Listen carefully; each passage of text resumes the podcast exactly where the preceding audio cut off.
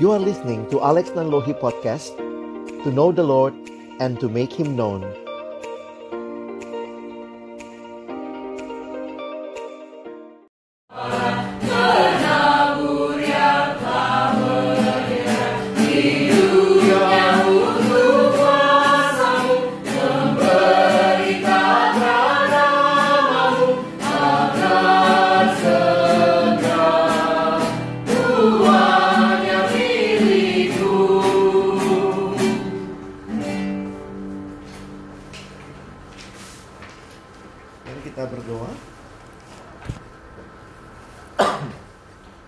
dalam surga, kembali kami bersyukur malam ini Tuhan anugerahkan kesempatan kami berdiskusi, kami belajar dan juga melihat beberapa hal yang penting di dalam memahami dan mengerti apa yang menjadi rencana Allah bagi dunia ini.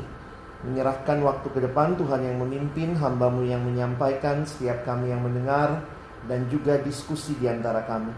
Tuhan tolong agar semua boleh jadi sesuai dengan kehendakmu. Dalam pertemuan terakhir ini kami juga terus memohon agar apa yang kami pelajari bukan sekedar sesuatu menambah pengetahuan, tetapi benar-benar menjadi kehidupan kami, orang-orang yang menikmati Allah yang memanggil kami, menyelamatkan kami, dan membawa kami dalam misi. Kami menyerahkan waktu ke depan dalam nama Yesus kami berdoa. Amin. Shalom. Malam teman-teman sekalian.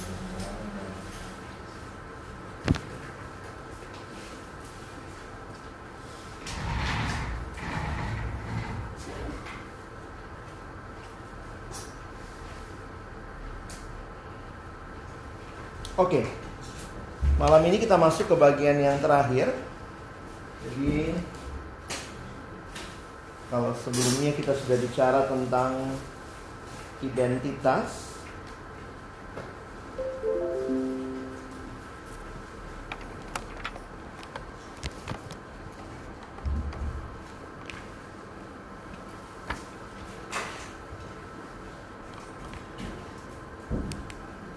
Our identity and God's mission Lalu yang kedua kita bicara evangelism and discipleship di mana tempatnya di dalam penginjilan, di dalam uh, sorry di dalam misi Allah dan uh, malam ini kita bicara mission building God's kingdom. Saya pikir sebenarnya ini seperti kesimpulan dari apa yang kita sudah pelajari ya. Saya mengajak kita ingat lagi sesi yang pertama. Our mission is not only divine but by what we do but by who we are in Christ.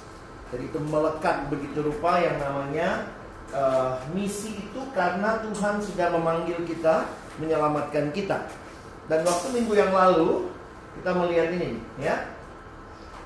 Sebenarnya kalau dikatakan apa itu kerajaan Allah, kerajaan Allah yaitu kesatuan ini semuanya. Saya nanti coba jelaskan sedikit lebih simpel dengan pendekatan yang lain. Tapi kalau teman-teman memperhatikan, ketika Allah memberikan mandat kultural, mandat budaya, dan juga mandat penginjilan, karena dunia sudah jatuh dalam dosa, maka ketika orang percaya mengerjakan penginjilan dan pemuridan, itu bagian dari membangun dunia pada akhirnya. Demikian juga gereja menjadi contoh bagi dunia karena Yesus berkata kalau kamu saling mengasihi dunia akan tahu kamu murid muridku. Jadi kalau kita dengan keutuhan membawa seluruh hal ini di dalam hidup kita sebagai gereja Tuhan, saya pikir kita akan bisa masuk ke dalam dunia ini menjadi orang-orang yang membangun kerajaan Allah. Jadi aspek yang dibangun bukan cuma salah satu aspek, tetapi keutuhan identitas itu membuat kita hadir dengan dengan uh, baik tentunya di dalam dunia ini. Jadi saya harap uh, kita ngerti uh, pendekatan ini yang menolong kita, begitu ya. Makanya saya kutip kalimat dari uh, Timothy Keller. Teman-teman perhatikan sebentar kalimatnya ya. Ingat, ini adalah cultivate disciples. Ini tugasnya kalau mau bicara secara khusus gereja Tuhan.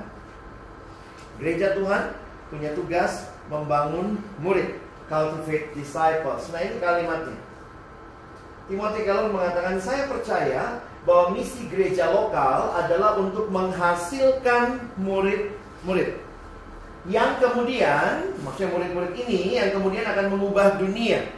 Ya, kalau lihat pendekatan ini tadi ya, murid-murid yang kemudian mengubah dunia. Perhatikan. Perhatikan, saya tidak katakan bahwa misi gereja lokal adalah untuk mengubah dunia.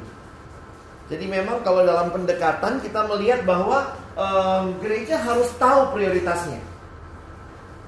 Gereja harus tahu persis prioritasnya sebagai satu bagian dalam kalau kita bicara ini ya, membangun kerajaan Allah.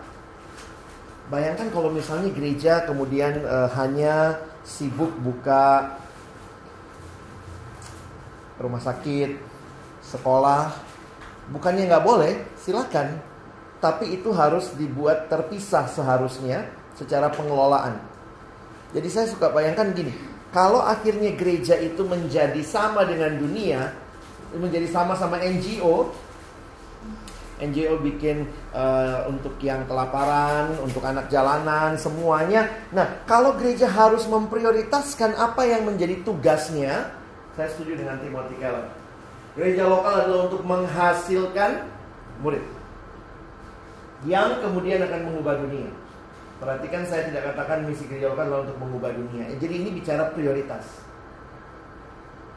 Kira-kira sampai sini ada yang mau bertanya dulu? Sejauh yang teman-teman pahami dari apa yang kita pelajari.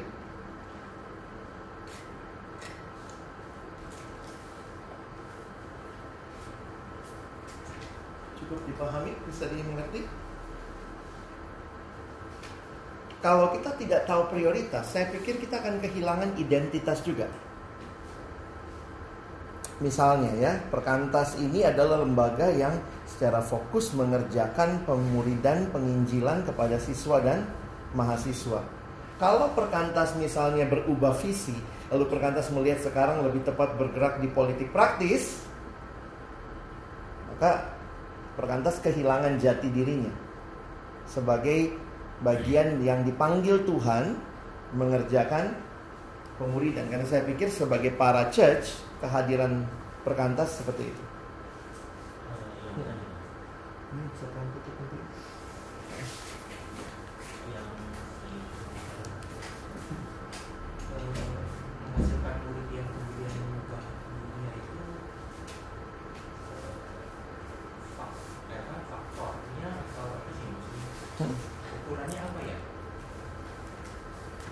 maksudnya? Ada hmm, kapan sih ini, kapan sih ini menjadi uh, mewujudkan gitu? Maksudnya menurut sejauh apa sih yang yang kita mau raih hmm. karena kan ukuran murid yang kemudian akan mengubah dunia itu kan agak besar sekali ya saya tapi maksudnya uh, sejauh mana gitu Iya, uh, uh, kalau sejauh mana dikatakan berhasil murid yang mengubah dunia itu? Hmm. Karena mengubah dia menjadi uh, dalam tanda kutip ya, mengubah dia menjadi hmm. seorang yang Christ-like aja itu udah susah banget tuh hmm. kayaknya yang menyerupai Kristus. Apalagi kalau yang mengubah dunia, mengubah diri aja kok kayaknya dari kepala kadang-kadang gitu ya hmm, hmm. mengubah keluarganya dia menjadi salah satu utusan di keluarganya aja kadang-kadang di kantornya di kelasnya gitu. itu kayaknya cukup jauh sekali gitu nah uh, ya uh, sampai di mana ah gitu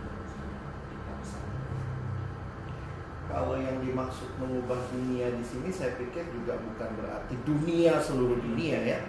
Waktu dia berhasil bukan berhasil waktu dia hidup. Jadi saya saya kaitin lagi sama gambar ini ya. Tolong jangan kita tafsirkan kalimat ini terlalu jauh. Kaitannya sama gambar ini. Ini dunia. Dunia di mana dia bekerja dia studi waktu dia kan kita udah lihat ya ternyata secara sederhana yang pertama waktu saya katakan the the power of mission itu encounter with God, the result of mission itu joy, lalu the requires um, requirement of mission is holiness. Waktu mereka hidup kudus, Walaupun jatuh bangun ya, tapi saya pikir murid sejati dalam dalam pemahaman doktrinal kita meyakini pasti grafiknya naik. Kalaupun dia jatuh, nanti dia naik lagi. Mungkin jatuh lagi dikit, naik lagi. Tapi secara umum grafiknya naik. Jadi sebenarnya gereja harusnya fokus ke sini. Mempertahankan, membina, membangun kehidupan murid yang terus-menerus boleh secara spiritualnya segar. Karena mereka ini yang akan hadir di dalam dunia nih. Ya, tanda kutip mengubah dunia mungkin saya juga pikir harus dimengerti dengan yang gambar ini nih. Jadi mengubah dunia di mana dia hadir. Jadi bukan berarti harus berubah total dunianya. Toh kita masih hidup dalam dunia yang berdosa. Jadi Tuhan sendiri bilang dunia nggak akan lebih baik. Tetapi kehadiran orang percaya kita jadi garam dan terang paling tidak menghambat pembusukan itu. Sebenarnya kalau kita ikut membusuk, kita malah mempercepat begitu ya. Nah, jadi saya pikir dalam pergumulan jatuh bangunnya kita, tetap kita menghayati itu. Nah, itu yang menjadi tugasnya gereja. Kalau kita mau bicara prior, prioritas. Gerejanya dekat tempat pemulung, makanya lebih gereja lebih sibuk bikin rumah sakit buat pemulung, bikin apa segala macam. Nah pada akhirnya misalnya gereja tidak fokus lagi membangun jemaat Hati-hati Kadang-kadang soalnya begini Banyak sekali hal yang kita bilang selalu Apa dong tanggung jawabnya? Gereja Kalau harus memilih dari semua tanggung jawab Yang mana yang punya gereja? Jadi jadi menarik nih Sama lah ya Kita pernah di kampus kan? Berantem-berantem di kampus orang nanya Mana dong PMK? Lagi kenapa-napa mana suara PMK? Politik lagi kacau mana suara perkantas? Kok kayak kita jadi bertanggung jawab atas semua hal yang terjadi Tapi berarti orang melihat bahwa ada sesuatu yang kita kerjakan yang ternyata berpengaruh bagi sesuatu yang lebih besar Nah itu yang saya maksud eh, kalau saya pahami dari kalimatnya mengubah dunia itu Jadi jangan sampai jadi ini orang tua yang baik harus prioritas ngasih susu anaknya, jangan ngasih susu anak orang lain. Bukan berarti nggak boleh. Kalau punya kemampuan, sih silakan. Tidak semua gereja punya kemampuan bikin sekolah. Tapi semua gereja harusnya punya kemampuan menghasilkan murid. Nah ini yang kadang-kadang kalau kita lupa diri, lupa bagian kita, termasuk PMK di kampus, persekutuan siswa, ya kita fokusnya, loh kok kayaknya cuma rohani-rohani, vertikal terus ya itu itu bukan itu pilihan maksudnya itu prioritas saya senang saya senang pakai kata ini prioritas. Kenapa? Karena kenyataannya kita tidak bisa hadir untuk semua ini secara besar langsung sekaligus. Jadi kira-kira begitu. Ada pertanyaan lain? Silakan.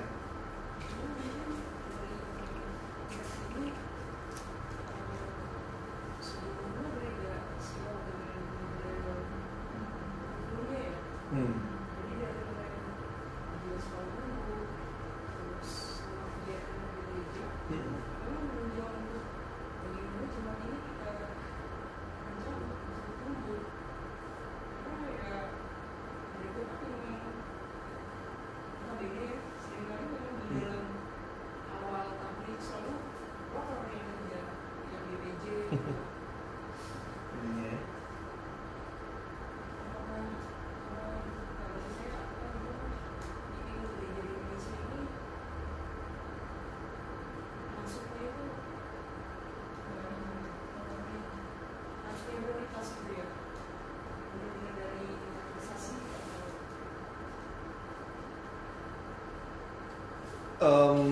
Lagi banyak gereja sibuk sama pemuridan sekarang dengan berbagai model bentuk metode di saat yang sama uh, pola lama gereja masih begitu-begitu aja dengan program sibuk sama dana dan segala macam. Nah, yang menarik sebenarnya adalah saya lihat uh, kayak Tuhan bangkitkan banyak gereja-gereja termasuk juga gereja-gereja yang ada di Asia khususnya untuk kembali ke pemuridan. Kita belajar sebenarnya dari Eropa. Eropa sibuk bangun gedung. Ketika katedralnya ada, dia lupa bangun murid. Sehingga waktu ada tempatnya yang begitu megah, cuma jadi museum. Nah, gerakan pemuridan ini akhirnya kayak kembali menyadarkan gereja apa yang menjadi prioritas utamanya gereja. Jadi saya nggak tahu konteks gereja teman-teman masing-masing. Di gereja sudah adakah kurikulum yang sangat jelas? Apakah sudah ada pembinaan yang sangat baik? Tapi kalaupun kita harus mengingatkan gereja kita sebagai tanggung jawabnya apa, maka jangan lupa tanggung jawab utamanya adalah menghasilkan murid. Pakai kurikulum yang mana? Saya pikir silakan, begitu banyak kurikulum. Sebenarnya ada yang berantem juga. Yesus nggak pakai kurikulum. Yesus nggak ninggalin kurikulum sama kita. Tapi Yesus memberikan pemahaman bahwa uh, modal satu-satunya yang sebenarnya kita bisa pakai menjangkau sesama manusia adalah kita sendiri manusia. Saya kaget juga tuh waktu baca ya. Jadi the bridge to jadi kadang-kadang kita bilang, aduh susah banget sih menjangkau generasi ini atau segala macam. Akhirnya kita jadi lupa begitu bahwa modal utama bahwa kita bisa jangkau orang lain itu adalah sama-sama manusia. Mau dia bilang dia generasi tua, generasi zaman now, milenial, sama-sama manusia. Nah, relasi antar manusia di dalam gereja harusnya menjadi relasi yang di dalamnya terjadi pertumbuhan.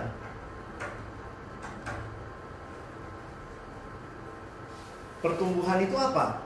balik lagi kayak yang tadi uh, Novan sampaikan makin hari makin serupa dengan Kristus jadi membangun Christ-like character Christ-like character ini menjadi tujuan akhir sebenarnya makanya di dalam banyak gereja sekarang waktu mereka merevisi tentang pemuridan mereka bicara dulu maunya karakter apa nah itu juga yang kami perkantas lakukan kita sepakati dulu nih karakter murid Kristus seperti apa? Kami menemukan enam. Enam yang kami temukan atau yang kita sepakati.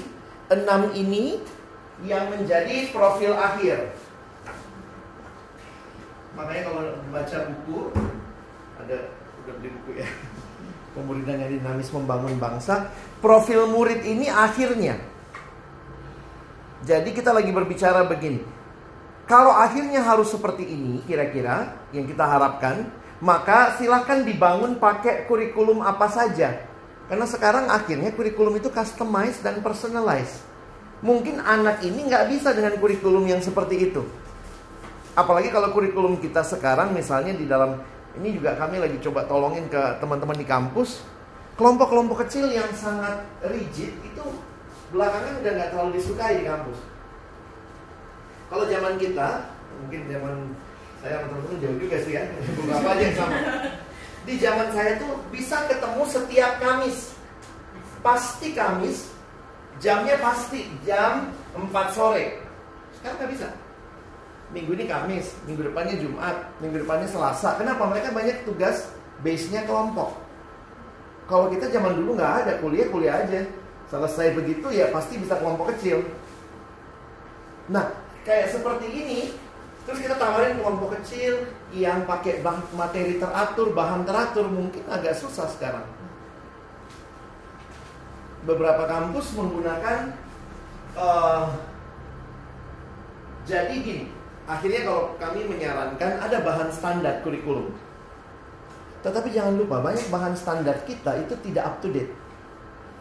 Bahan-bahan perkantas sendiri saya harus akui itu buatan tahun 80-an 90-an 80-an kita nggak punya bahan tentang internet. Kita nggak punya bahan tentang game online. Kita punya prinsipnya. Tapi kita nggak punya bahan-bahan tentang itu nah jadi akhirnya uh, kita sepakati dulu profilnya mau apa lalu dari profil ini kita bangun ke belakang dari belakang kita bangun ke depan kira-kira untuk mencapai profil ini orang generasi ini butuh bahan apa sehingga pemimpin harus lebih kreatif. Nah gereja memang lebih rigid menurut saya karena gereja kan lebih banyak komisi dan segala macam. Beberapa gereja saya melihat bilang pemuridan tapi nggak sungguh-sungguh. Pemuridannya terjadi di mana? Itu salah satu pilihan komisi. Jadi bukan jadi misalnya gini, kita ada program pemuridan ya sudah siapa yang mau? Harusnya yang dimuridkan di gereja itu siapa? semua orang. Di dalam hmm, kisah Rasul 11 ayat 3, 26 ada kalimat begini kan? Di Antioquia lah murid-murid itu untuk pertama kalinya disebut Kristen. Jadi istilah apa yang dipakai menyebut pengikut Yesus sebelum ada istilah Kristen? Murid. Makanya kalau teman-teman perhatikan istilah Kristen di Alkitab kita cuma muncul tiga kali.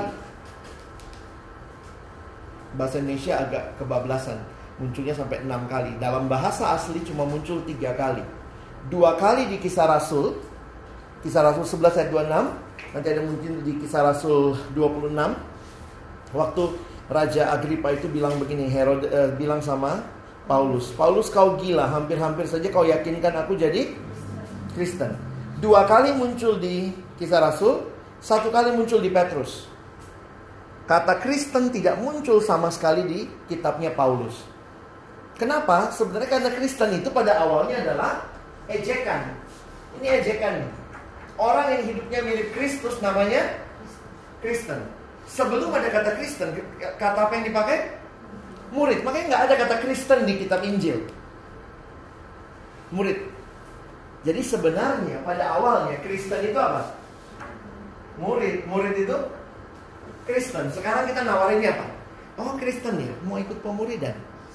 Seolah-olah ada opsi untuk orang Kristen tidak jadi murid. Kenapa? Karena memang pemuridan kita bentuknya program. Saya harus keakui yang kita lakukan di kampus juga program. Cuma karena sering barengnya jadi seperti hidup. Makanya waktu di kampus tuh kenapa begitu indah gitu ya? Karena sering ketemu, berbagi hidup. Nah, kalau ternyata di banyak gereja hanya program, dia ikut ini dapat sesuatu, saya bukan mengatakan itu nggak bagus, tapi balik lagi, sering kali pemuridan hanya ada di satu komisi atau pemuridan hanya salah satu bagian. Pemuridan adalah uh, orang-orang yang senang mikir-mikir dalam ya ikut ikut ikut pemuridan. Jadi kita nggak serius mikirin pemuridan. Karena itulah saya pikir teman-teman ada di gereja kali ya. Nah saya bilang uh, kita ber, mesti berpikir pemuridan yang komprehensif. Pemuridan yang komprehensif itu apa? Ternyata bagi saya paling sederhana itu bagi hidup. Dan bagi hidup itu belum tentu hanya lewat kelompok kecil, bagi materi. Jalan bersama, hidup bersama. Paulus Timotius apa sih kurikulumnya? Tuhan Yesus apa sih kurikulumnya? Jalan bareng. Di sana ada setan misalnya pergi ke sana. Yesus nggak bilang bikin kelas dulu. Ini kelas okultisme. Kalau nanti ada setan begini cara menghadapinya. Enggak. Yuk kita ke sana.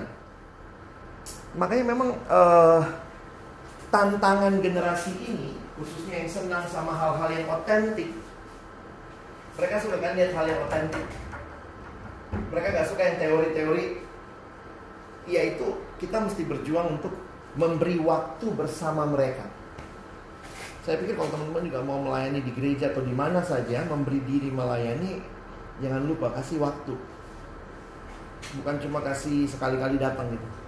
Bagi hidup. Jadi kalau saya sih melihatnya seperti itu ya. Jadi silakan terjemahkan di gereja masing-masing kira-kira apa yang teman-teman harus lakukan nih sebagai orang-orang yang uh, diingatkan bahwa ini penting nih. Bagian kita membangun murid cultivate disciples that will cultivate the world. Ada hal lain? Kita lanjut dulu ya. Saya rencana di akhir nanti kita nonton satu film gitu ya. Nanti biar uh, itu butuh waktu setengah jam. Jadi saya pikir sekitar jam 8 lewat kita udah mesti nonton film gitu ya. Nah realitanya di dalam pelayanan misi di dalam dunia ini mengerjakannya banyak sekali yang namanya strategi-strategi. Jadi kalau teman-teman perhatikan ya, dari sini nih ya muncullah berbagai strategi baik strategi yang mau mencoba mencari siapa yang diinjili maupun strategi-strategi bagaimana masuk mengcultivate the world ini selalu jadi uh, pergumulan karena itu di dalam kalangan Kristen ini ada banyak sekali lembaga-lembaga misi dengan beban dan kerinduan masing-masing. Tapi sebenarnya kalau dikumpulin, sebenarnya semuanya sedang mau membangun apa? Membangun ini. Membangun kerajaan Allah. Ini beberapa strategi misi. Kenapa muncul strategi? Karena dunia terlalu luas. Strategi muncul karena ada beban, panggilan, dan juga ada konteks. Nah, misalnya ini beberapa strategi misi nih ya. Ada yang memfokuskan kepada unreached people group atau UPG bahasa Indonesia nya apa? STA suku terabaikan. Ada yang fokus yang namanya 1040 Windows. Kita nggak terlalu banyak dengar di Indonesia ya. E, kalau di luar negeri itu 1040 Windows itu pendekatannya sederhana. Ini dunia nih. Ini nol.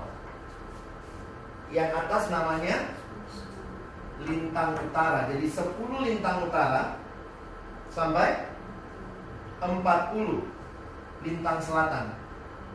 Itulah ini sebuah membentuk sebuah jendela. Nah ini yang disebut sebagai jendela 10 40. Uniknya negara kita nggak masuk. Secara kalau lihat nanti 1040 Windows gitu ya. Ada lagi urban mission. Uh, urban mission adalah misi di perkotaan. Orang-orang yang fokus ke situ misalnya kayak sekarang teman-teman yang kenal karya Pasar Ibu misalnya dengan gerakan dari Indonesian Care. Ada yang ke marketplace ministry kayak kata Dius mendirikan uh, Workplace Institute of Nusantara. Ada yang kayak pengantas nih fokusnya sama student ministry. Jadi ya ini masing-masing akan mengatakan apa yang paling penting mahasiswa kalau tanya sama orang ini, unrich people group yang paling penting suku terabaikan gitu ya. Dan ini semua lagi masuk ke kampus nih, bikin adik-adik kita bingung. Suku terabaikan, ada doa untuk suku-suku lah di kampus. Saya bilang ya ampun, bukannya saya nggak punya beban buat suku-suku, tapi kamu mahasiswa dipanggil pelayanan mahasiswa harusnya kan secara secara fokus juga kalian bisa saya bilang ke mereka ya bisa doain mahasiswa Kenapa? Ada sekarang lagi ada ada isu-isu yang suka masuk ke kampus. Uh, kampus ini sibuk bangun murid, kurang bermisi. Saya waktu belajar teorinya emang benar yang dia fokusin. Saya tidak senang juga kalau semua adik-adik kita di kampus tidak punya wawasan misi. Tapi waktu yang ada di kampus sekarang mungkin adalah waktu di mana mereka fokus dulu membangun kehidupan murid. Karena udah banyak banget tarikannya. Alumni-alumni, biasalah suara alumni itu kan kenceng ya. Begitu kalau alumni ini masuk ke kampus, kita mesti sama suku terabaikan. Semua adik-adik semua ikut suku terabaikan. Yang satu lagi masuk, kita mesti fokus anak jalanan, anak jalanan semua. Tiba-tiba yang satu lagi, kita mesti nyanyi bagi Tuhan, nyanyi lagi paduan suara. Ada lagi yang sibuk, kemarin saya ketemu satu bapak juga di sebuah gereja, dia bilang, gereja ini gak peduli sama orang penjara. Terus dia bilang, saya mau ajak perkantas join. Saya cuma iya aja. Mahasiswa tuh harus perhatikan orang penjara. Bukan kayak Yesus ngomong, waktu aku di penjara, nggak ada yang aku di sekolah, aku di kampus. Bener juga sih. Cuma jadi dia bilangnya mesti ke penjara gitu. Usut punya usut, dia ternyata dulu masuk penjara. Dia pebisnis, masuk penjara di penjara dia kemudian terbeban dia bertobat lebih sungguh lah di penjara dan sekarang dia melayani prison ministry. Nah prison ministry itu dia kemudian dia dia link semua semua prison ministry. Sama kayak karya juga ya. Karena terlalu banyak gitu ya. Ternyata di Jakarta tuh ada pelayanan satpam Kristen. Ada pelayanan pembantu Kristen. Nggak pada tahu kan? Nah itu dikumpul sama karya jadi dibawa Indonesian care. Semua yang melayani di urban poor, urban ministry dikumpulin misalnya, dijejaringkan. Nah, Bapak ini men menjejaringkan pelayanan prison. Tiba-tiba ngomong begini, saya sekarang Pak fokusnya bukan orang yang di penjaranya Pak. Tapi keluarganya Pak. Jadi yang di penjara itu Pak, itu udah banyak banget. Gereja, pagi GKI, kebaktian pagi, sore nanti HKBP datang, besoknya GPIB, jadi orang di penjara itu Pak, Senin sampai Jumat isinya kebaktian. Keluarganya di luar, karena bapaknya masuk penjara, istrinya nggak tahu, istrinya melacur, timbul masalah sosial. Lalu kemudian anaknya nggak malu, nggak sekolah. Jadi sekarang Pak kita harus benar-benar ini. Saya mau kontak perkantas. saya dalam hati gitu ya, aduh memang kalau semua kan selalu akan ditanya gitu, mana dong, mana dong gitu ya. Orang dengan bebannya masing-masing dan kita harus katakan, saya waktu melihat itu semua, saya cuma mau mengatakan satu hal gini. Hatinya Tuhan tuh luas banget. Teman-teman dan saya cuma nangkep sedikit sekali dari hatinya Tuhan itu aja bisa bikin kita nangis-nangis terhadap pelayanan yang kita cintai. Kita berkorban luar biasa. Yang dapat beban sekolah minggu, ngeliat penting banget sekolah minggu. Yang dapat eh, remaja, penting banget remaja. Yang dapat pelayanan gereja, penting banget gereja. Oh penting banget kampus. Penjara gitu ya. Belum lagi kalau ketemu sama orang-orang yang rumah sakit. Mana dong orang perkantas kunjungan ke rumah sakit. Saya bilang kalau semua mesti jadi perkantas gitu ya. Tapi inilah kira-kira Begitu luasnya hati Allah dan kita cuma nangkap sedikit. Nah sayangnya sering kali yang begini-beginian nih saling merasa pelayananku yang paling penting. Karena itu paling penting, hampir pasti sekarang semua sumber daya yang ada tuh di mana?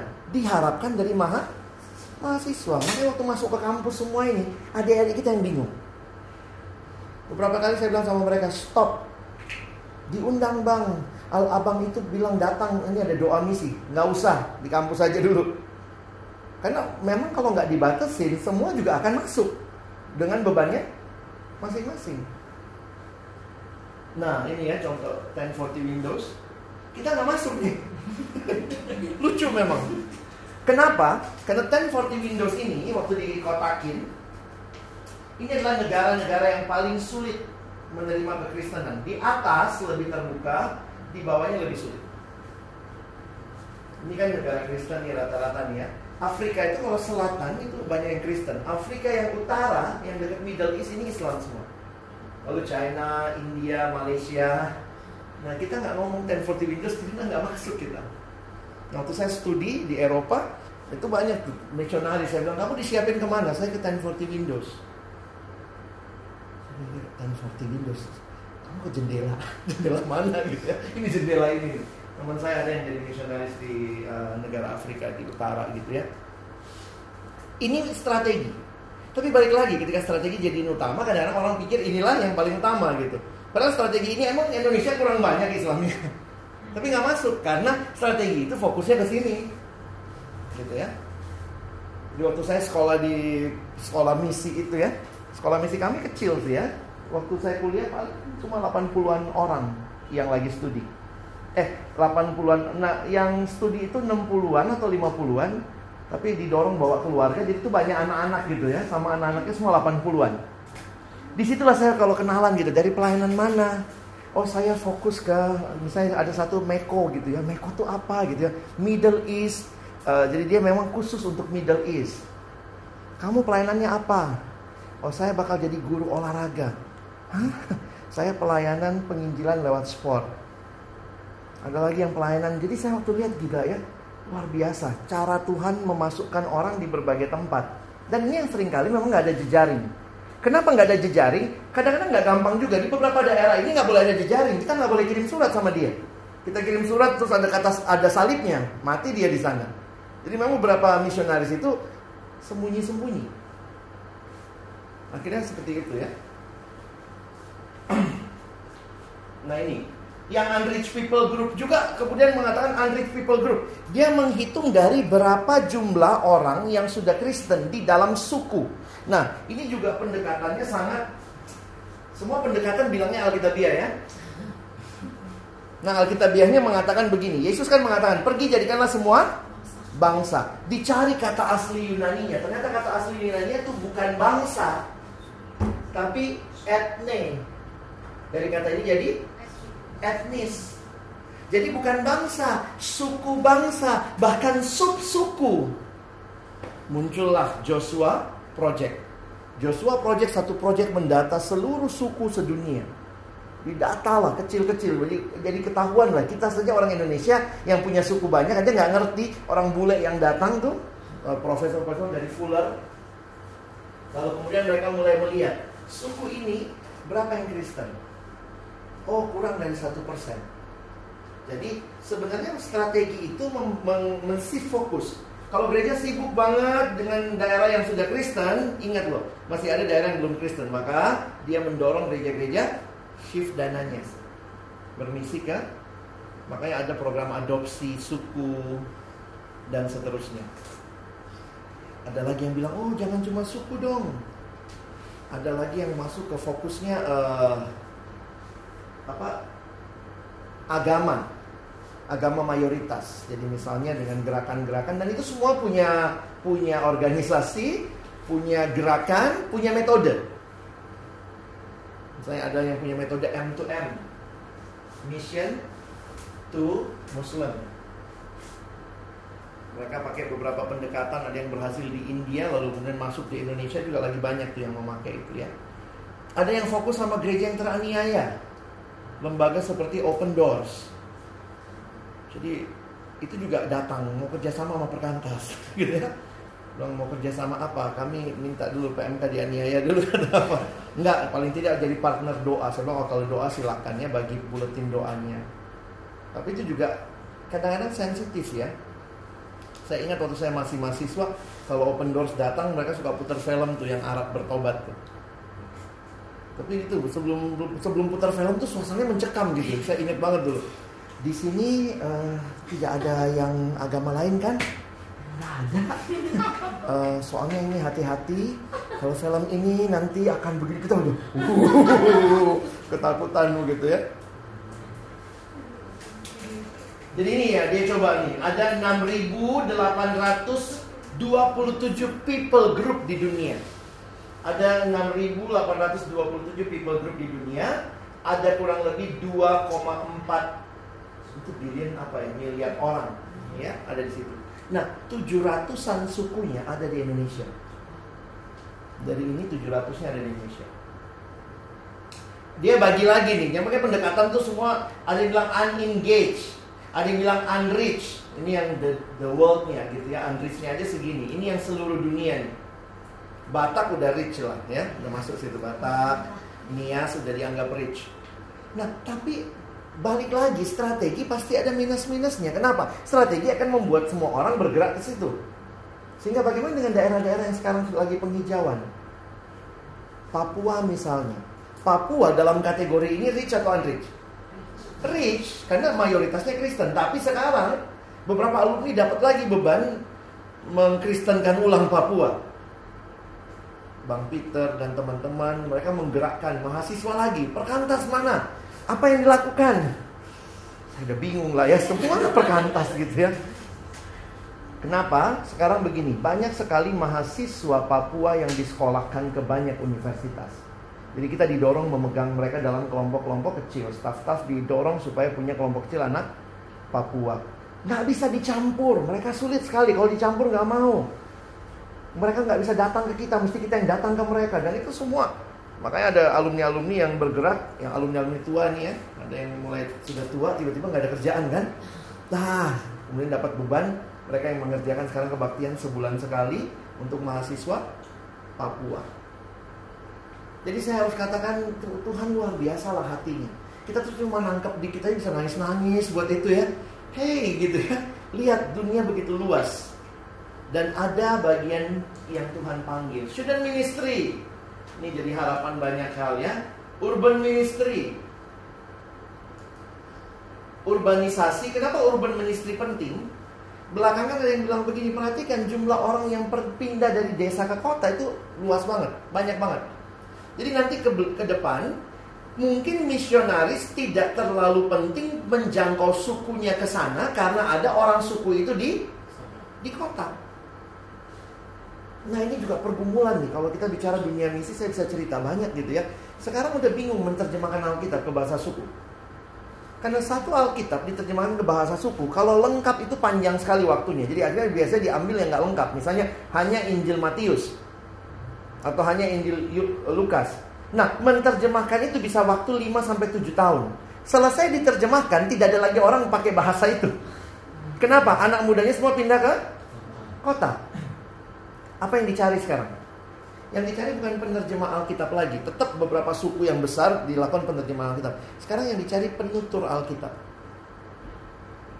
Jadi bukan lagi Bible translator tetapi Bible storyteller. Jadi itu masuk ke beberapa suku. Nah itu cukup kita di training bahasanya, kita bisa menceritakan dalam berbagai bahasa. Kira-kira begitu. Nah itu uh, lembaga yang mengerjakannya kayak Kartidaya di beberapa suku di Amerika Latin itu sudah yang direkrut adalah storyteller. Jadi uh, pelayanan kota ini lagi berkembang sekali, sangat berkembang. Jadi memang kalau teman-teman banyak dapat undangan juga, misalnya kayak dari Kak Tadius segala macam itu fokusnya kota. Fokusnya di mana? Pemuridan di mana? Di dunia kerja. Waktu kamu sedang bekerja, coba pikirkan bagaimana pemuridan di dunia kerja. Bayangkan, waktumu satu minggu kira-kira 5 kali 8 jam, kamu 40 jam ada di kantor. Apa yang kamu lakukan? Seandainya makan siang satu kali, makan siang yang terplanning dengan orang tertentu, kamu memuridkan dia, men-sharingkan sesuatu. Harusnya satu minggu bisa dapat 5 jam sama dia itu ngalah-ngalahin kelompok kecil di kampus. Tapi itu mesti intentionally lagi. Mengapa harus menjangkau kota? Kita lewatin lah ya.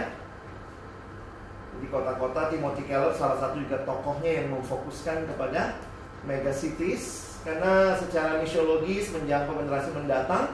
Kalau kita bicara suku terabaikan, banyak suku terabaikan ada di sini gitu sekarang ya, nggak usah ke sana gitu menjangkau yang terpelajar dan top. Ini orang-orang yang meng culture making, culture maker. Budaya itu dibentuk dari mana? Saya ingat sekali waktu kami di training dulu dikasih tahu kalau kamu datang ke satu tempat mau lihat budayanya apa, mau lihat kayak apa kulturnya, nonton acara TV-nya. Itulah gambaran apa yang orang-orang senang. Karena selalu acara TV itu sangat peka sama pemirsa, kebutuhan. Nah kalau kadang-kadang lihat acara TV kita juga sedih juga ya. Gila kayak gini berarti masyarakat kita debat nggak jelas. Nanti kapan-kapan nyiram air gitu ya. Nah ini yang membuat kita juga Kak Vivi lagi fokus ulang merintis IKJ. Kenapa? Kalau film-film kita jelek, kalau dunia perfilman TV kita jelek, mungkin karena anak IKJ nggak dilayani. Jadi Kak Vivi lagi rintis ulang, setua itu datang lagi ikut dengan mahasiswa gitu ya setiap minggu KTB dengan mereka gitu kenapa? Mereka yang akan jadi orang-orang yang mengubah wajah pertelevisian. Kalau mereka wajahnya setan semua maka itulah susana terus yang dibikinnya. Sutradara penulis gitu. Nah saya pikir kita juga peka menangkap uh, di mana Tuhan panggil kita khususnya misalnya kayak di IKJ di tempat di mana dulu sudah ada persekutuan tapi lagi redup sekarang ya. Nah ini kaum marginal juga. Ini nggak ada di desa nih jadi kalau orang bilang dulu semua harus ke desa, tidak juga. Tapi apakah desa ditinggalkan? Enggak juga, jangan. Kenapa? Jokowi punya planning membangun dari pinggiran, dari desa.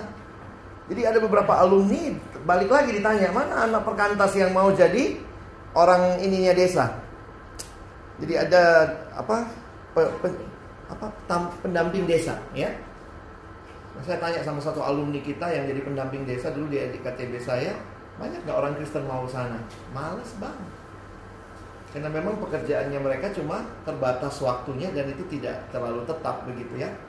Mengelola dana yang dikucurkan oleh pemerintah. Pendamping desa.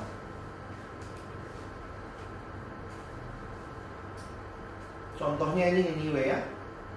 Salah satu kota yang Tuhan bilang, bagaimana mungkin aku tidak sayang kota yang besar itu yang berpenduduk 120 ribu jiwa yang tidak tahu membedakan tangan kanan dan tangan kiri.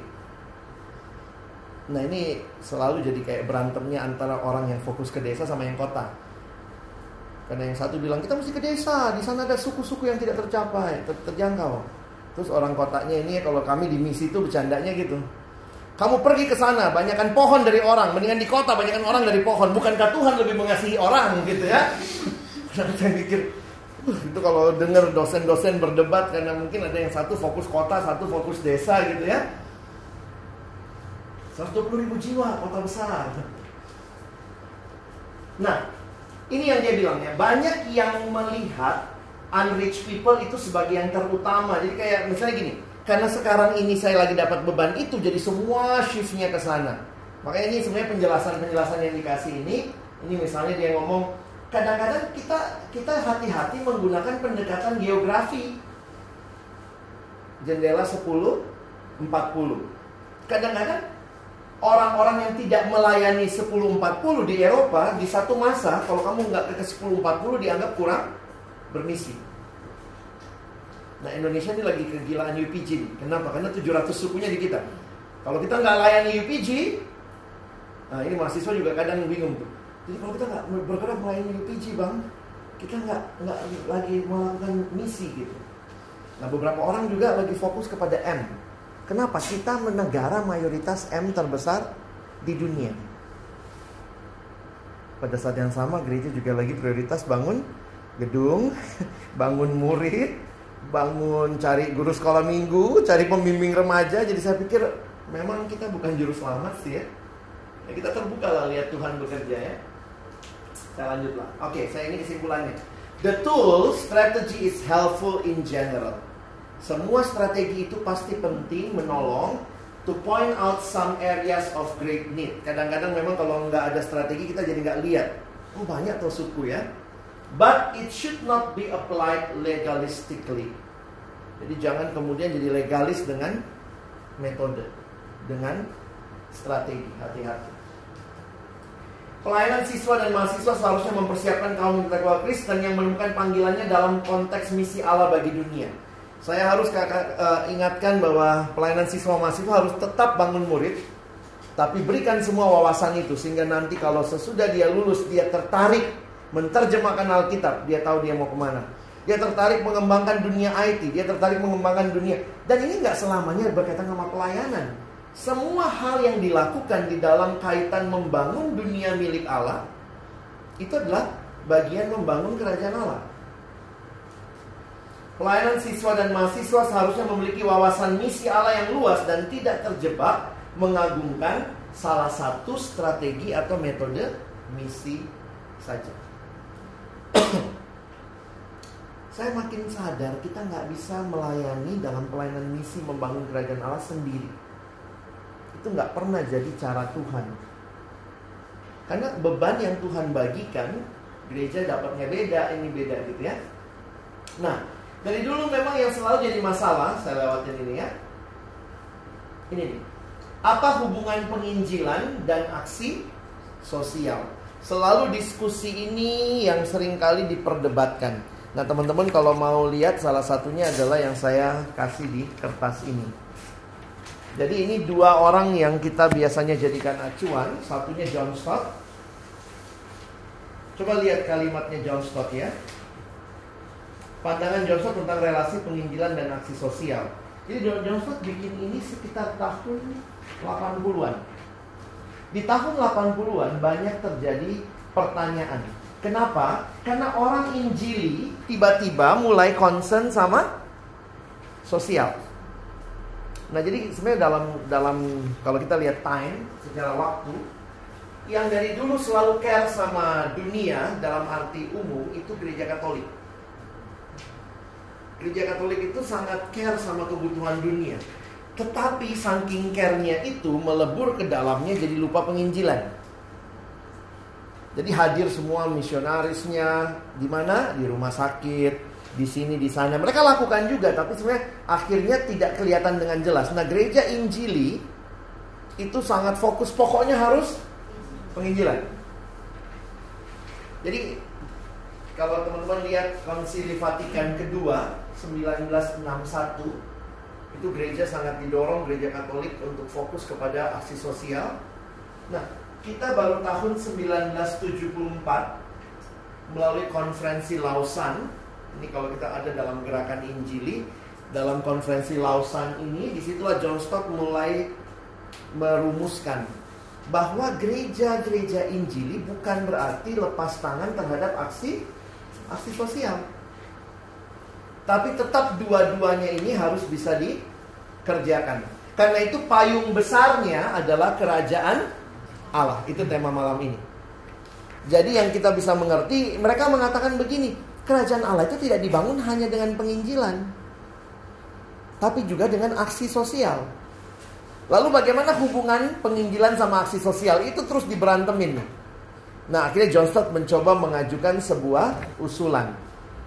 Nah lihat usulannya dia, dia membahas tiga pandangan. Stott menyampaikan nomor satu ya, Stott menyampaikan beberapa orang melihat aksi sosial sebagai sarana untuk penginjilan. Teman-teman lihat gambarnya sebentar ya.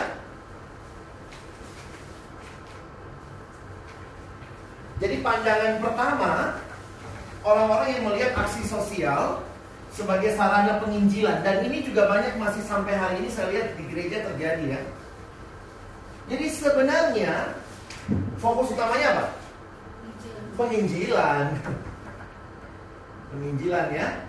Tapi pakai aksi sosial. Saksi sosial sebagai sarana untuk mencapai penginjilan. Nah, kritiknya apa? Kalau kayak begini aksi sosialnya jadinya tidak tidak tulus. Loh, tapi kan supaya dia selamat. Johnston tetap mengatakan seandainya tanpa penginjilan, tetapkah aksi sosialnya bermakna? Poinnya dia mau mengatakan bahwa sering kali kita tidak sampai tidak selamanya punya kesempatan mengin, menginjili. Atau jangan-jangan kalau kita tidak mau menginjili, kita jadi tidak beraksi sosial. Nah, ini kritik yang pertama. Ini model pertama. Model kedua,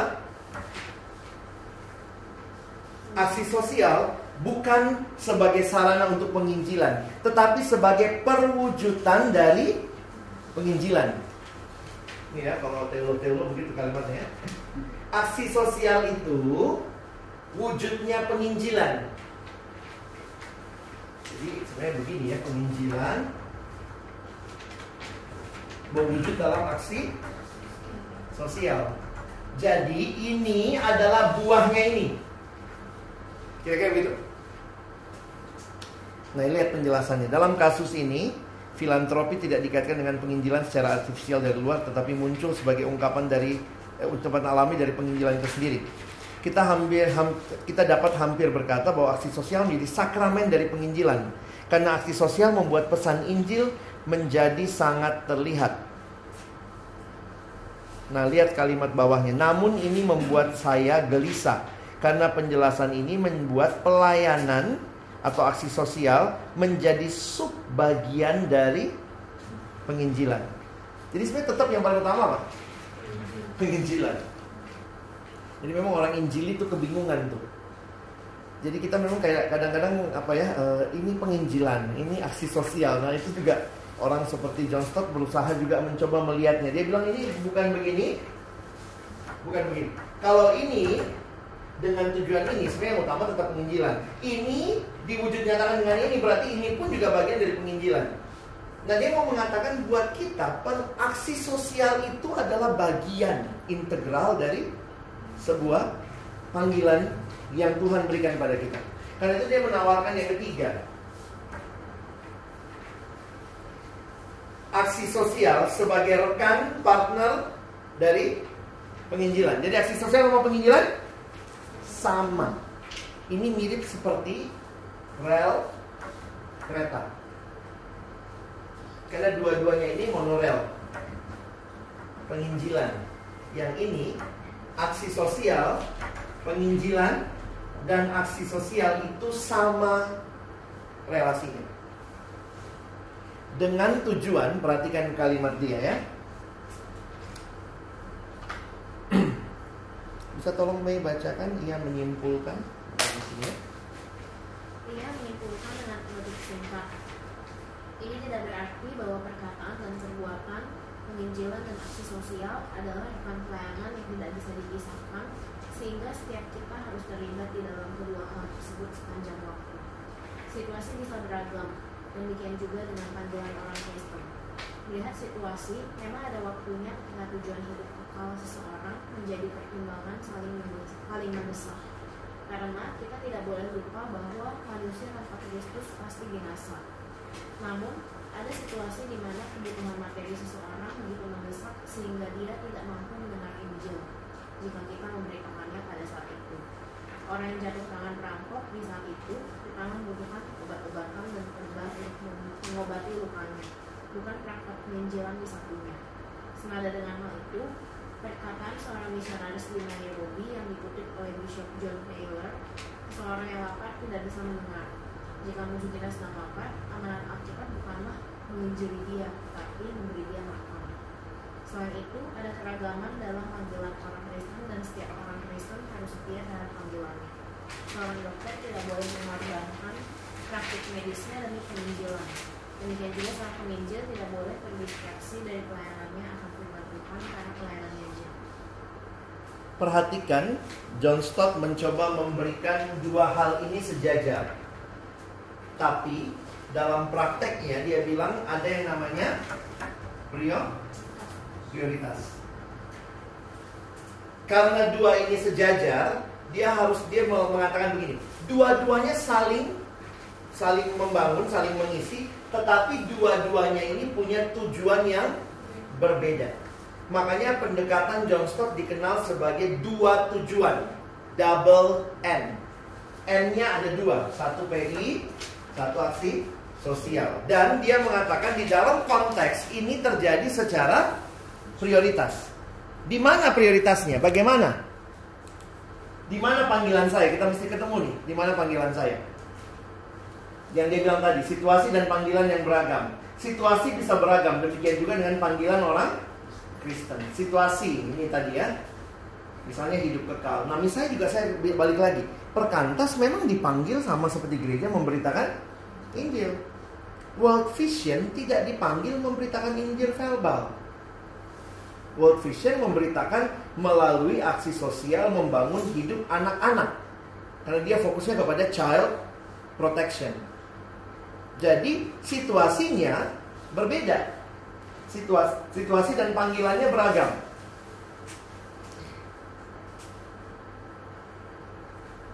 Ini tadi ya, bukan dikasih traktat lagi. Selain itu ada keragaman dalam panggilan. Jadi teman-teman kalau bisa pahami ini tadi situ situasi. Yang ini keberagaman panggilan. Dia kasih contoh dokter. Dokter tidak boleh mengorbankan praktek medisnya demi penginjilan. Demikian juga seorang penginjil tidak boleh terdistraksi dari pelayanannya akan firman Tuhan karena pelayanan meja aksi sosial. Nah, balik lagi memang uh, John Stott di masa itu memberikan jawaban yang sangat memuaskan bagi pemahaman tahun 70-80-an. Nah, kemudian orang seperti Timothy Keller melihat loh, kalau ada dua tujuan berarti ada dua hal dong. Nah, akhirnya pendekatan yang terakhir, pandangan Keller dia bilang ini model tujuan tunggal.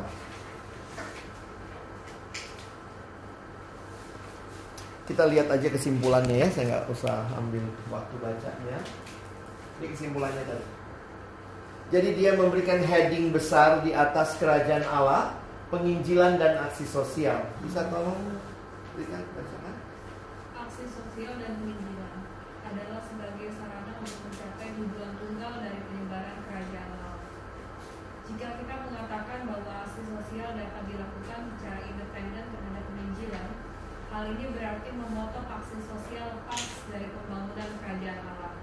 Aksi tersebut pasti akan hancur jika kita mengatakan bahwa penginjilan dapat dilakukan tanpa melakukan aksi sosial, hal ini berarti kita melupakan bahwa tujuan kita bukanlah keputusan-keputusan individu, tetapi membawa seluruh hidup dan ciptaan di bawah ketuhanan Kristus, di bawah kerajaan Allah. Dia mencoba memberikan pemahaman yang menyatu. Kenapa? Karena memang pemahamannya John Stott ini dengan dua seperti ini bisa terjadi yang ini. Ini bisa dilakukan terpisah Sementara kalau itu seperti itu, maka apa bedanya dong nanti misalnya gereja atau lembaga Kristen seperti World Vision dengan lembaga yang misalnya juga child care dari Muhammadiyah punya misalnya. Apa bedanya? Sehingga dia harus mengatakan harus terkandung panggilan yang menyatu di situ. Wujudnya bisa sama di lapangan, tetapi sebenarnya itu adalah satu keyakinan panggilan yang menyatu di situ. Nah, ini yang kemudian uh, si Keller ini membuatnya menjadi sebuah heading kerajaan Allah. Teman-teman perhatikan karena kalau kita cuma lagi bangun PI, fokus yang kita cari apa? Berapa yang bertobat? Berapa yang angkat tangan? Berapa yang terima Yesus? Ini yang dia bilang ini. Emangnya tujuan kita bukanlah keputusan-keputusan individu. Kita bukan cuma sekedar keputusan individu, tetapi membawa seluruh hidup dan ciptaan ke bawah ketuhanan Kristus. Jadi mengerti ini, ini mesti ngerti dengan gambar yang tadi ya. Mesti balik ke gambar ini tadi. Tujuan akhir kita bukan di sini. Jadi kita membangun ini, ini bukan tujuan akhir. Tujuan akhirnya adalah jadi kalau begitu jangan mengukur hanya berapa orang yang angkat tangan. Tapi benar-benar bagaimana mempersiapkan orang-orang yang sudah jadi murid itu masuk ke dalam dunia milik Allah. Nah memang nggak tahu ya, kita mungkin karena dibesarkan dalam dualisme, kita suka merasa tuh kalau bekerja itu kurang kurang melakukan kerajaan Allah gitu. Padahal pekerjaan yang teman-teman dan saya lakukan misalnya itu terkait dengan satu bagian besar baik teman-teman yang sekarang lagi fokusnya mungkin membangun di sini. Waktu waktu yang kita punya misalnya kita kasih di gereja membangun ininya. Tapi semua kita sedang membangun kerajaan Allah.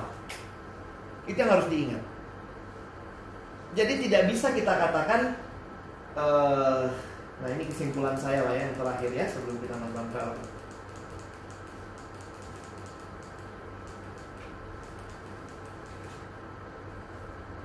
penting untuk bisa melihat misi Allah bagi saya terkait dengan misi Allah bagi gerejanya. Apa yang dimaksud? Gereja eh, kita perlu memahami kesatuan tubuh Kristus yang menjalankan misi Allah yang utuh dalam dunia ini. Tidak ada satupun dari kita yang akan senantiasa bisa seimbang melakukan mandat Injil, mandat budaya ini.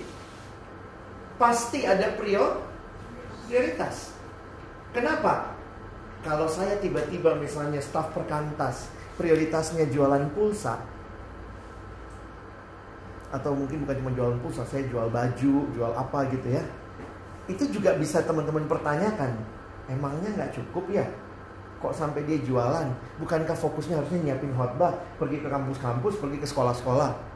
Demikian juga sebaliknya seperti teman-teman yang tadi John Stott bilang, kalau teman-teman adalah dokter, maka fokusmu jangan karena mau penginjilan, praktekmu dikorbankan. Itu terjadi kenapa? Ada prioritas. Prioritasnya kenapa? Situasi dan panggilan kita yang memang beragam. Tapi kalau kita bawa itu menyatu, itu jadi kayak otomatis gitu. Di sisi suasana ini kita langsung bisa lihat, oh saya lakukan itu saya lakukan ini. Nah makanya memang penting sekali lembaga-lembaga misi ini kapan-kapan duduk bareng ngobrol. Kenapa? Mana tahu dari sekian bakpao itu ya, bakpao nol, ini ada minus di sini ya. Mana tahu ada lembaga misi itu yang memang cuman dari fokusnya membawa orang dari minus 7 ke minus 5 mungkin Sementara kita lembaga-lembaga Kristen yang secara verbal kita udah ada di sini nih, kita bergerak dari titik nol ke depan. Jangan sampai saya ngerjain bagiannya dia. Tapi mungkin nggak ada situasi tertentu saya bisa ikut ngerjain punya dia. Mungkin. Tapi saya mesti ngerti panggilan saya. Nah ini satu satu contoh yang baik dari seorang teman yang melakukan sekarang yang lagi model di kekristenan itu Comdev. Community Development ini lagi banyak dipakai sebagai strategi penginjilan yang berwawasan aksi sosial juga. Maksudnya itu menyatu. Jadi misalnya seorang teman di Medan, dia punya yayas, eh, saya nggak usah sebut namanya, nggak boleh soalnya. Dia hadir di daerah M dan dia bekerja di situ. Apa yang dia kerjakan? Dia mengerjakan sampai tahap orang-orang di situ tahap taraf hidupnya naik staf-staf utamanya Kristen dan mereka juga dikenal oleh orang-orang di lapangan sebagai orang Kristen. Jadi ketika tahap taraf hidupnya naik, interaksi dengan Kristennya makin terbuka. Nah saya bilang terus abang, nah biasa kondef itu kan ada batas waktu. Kami cuma lima tahun, Lex. Sesudah lima tahun kami harus cabut dari situ. Nah saya bilang terus siapa yang lanjutin? Nah itulah pentingnya kita berjejaring. Sesudah itu ada lembaga lain yang masuk. Yang fokusnya sudah mulai Injilnya sedikit masuk ke beritanya. Yang dia pokoknya memang fokus lembaganya dia karena kalau sampai dia menginjili itu bahaya. Karena mereka kerjasamanya sama pemerintah adalah membuat alat-alat pertanian murah meningkatkan hasil pertanian. Nah dia bilang ya kayak begini-begini Lex. Kadang-kadang gereja nggak tanggap. Jadi gereja kenapa? Kalau sibuk kan? Sibuknya sama apa? Sama dirinya sendiri jadi memang akhirnya beberapa gereja ada yang menye, apa, memberikan cuma uangnya aja ke komdev karena nggak sanggup juga untuk memberikan tenaganya. Nah sementara dia orang-orang kayak gini dia bilang kita butuhnya lebih banyak tenaganya. Perkantas ada nggak mau kerja sama juga ya? Mati gitu ya. Jadi semua nih lagi banyak nih menawarkan kerjasama. Ya teman-teman kalau lagi kurang pekerjaan, kami lagi banyak sekali tawaran. Jadi alumni-alumni gini, Bang, eh, saya kami ada papan di atas beberapa kali tuh ada lowongan pekerjaan Kenapa? Karena selalu, selalu mikirnya di perkantas disiapin orangnya bagus nanti biar bisa kami pakai gitu ya. Nah saya lihat uh, ini masih kerja keras kita lah. Karena misi ini sangat luas. Sementara gereja saudara ada di mana?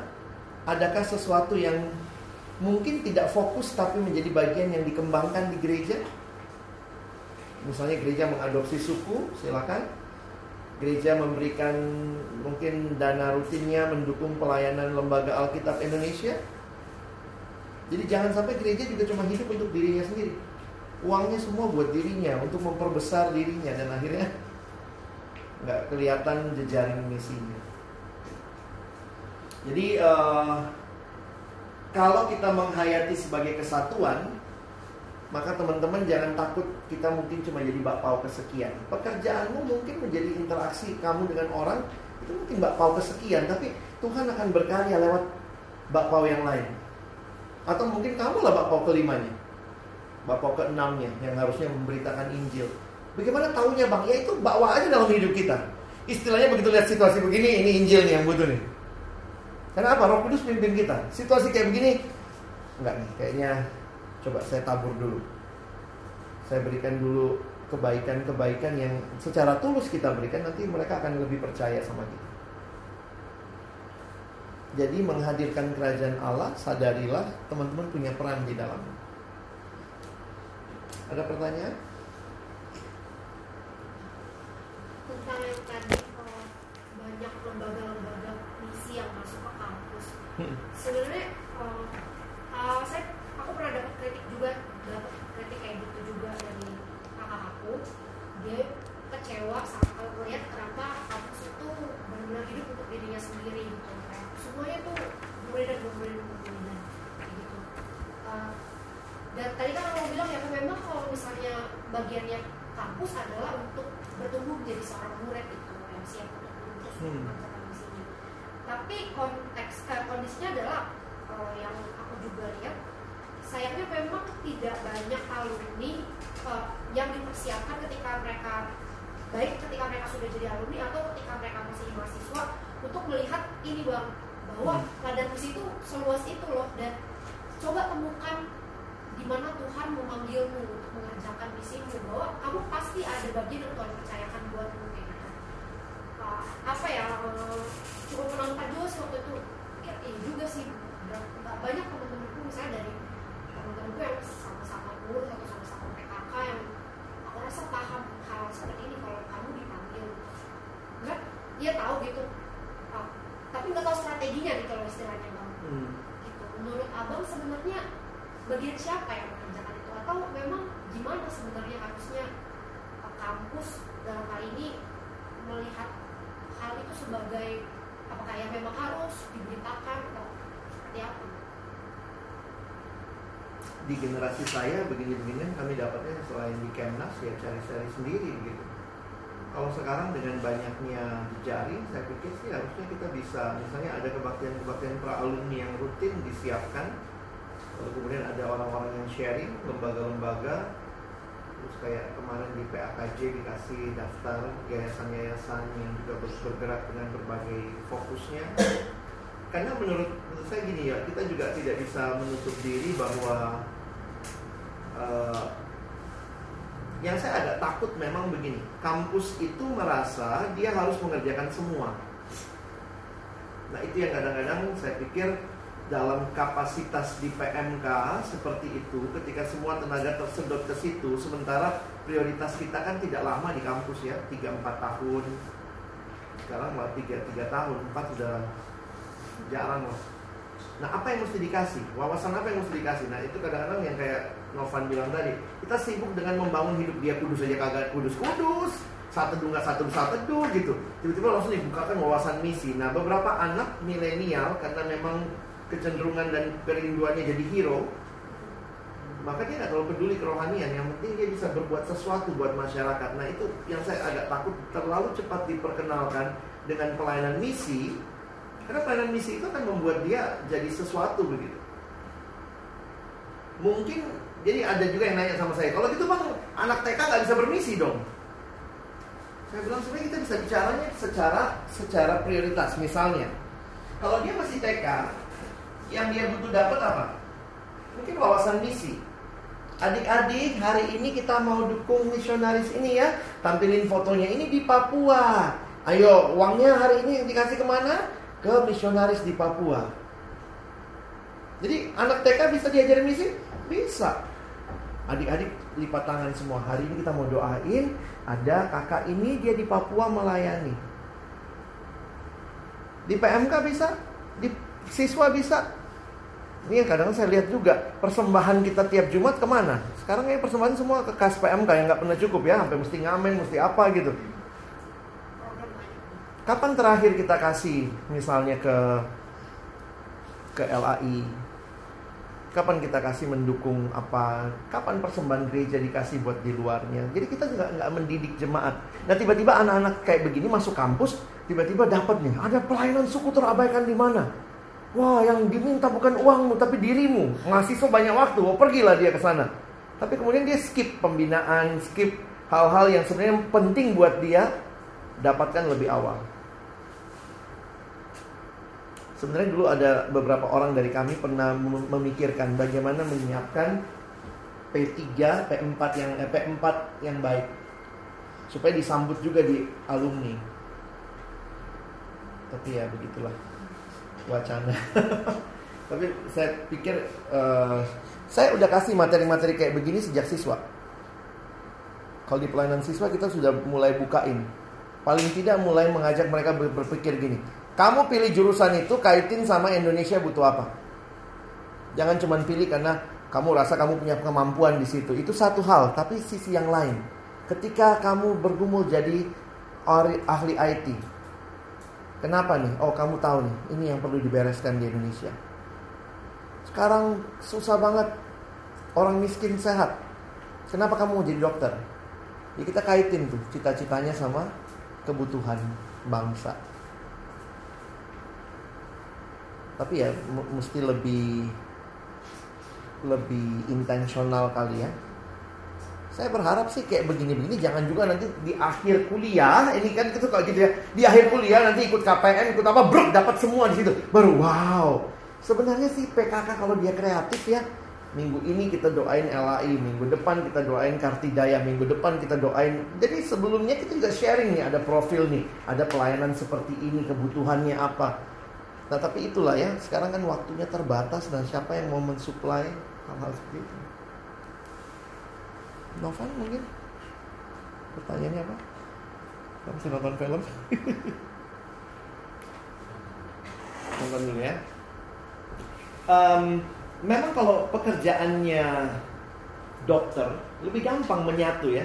Kalau kita yang kerjaannya bukan dokter atau apa yang kayaknya apalah hubungannya duit-duit ini bang sama membangun kerajaan Allah tapi kemarin di PAKJ juga saya bilang gitu sebenarnya Tuhan memanggil kita dalam hal yang paling sederhana itu pun bagian yang Tuhan percayakan Nah, film ini uh, mungkin sudah pernah juga ditonton oleh beberapa teman ya. Saya berharap kita coba lihat. Um, lihatnya bagaimana menyatunya visi Allah dengan pekerjaannya dia. Ya, jadi saya harap ini bisa nolong juga. Bisa nolong lampunya. I know my, my wife said that when I was working on books of culture, Philip, you're missing real story. The real story is not your reality.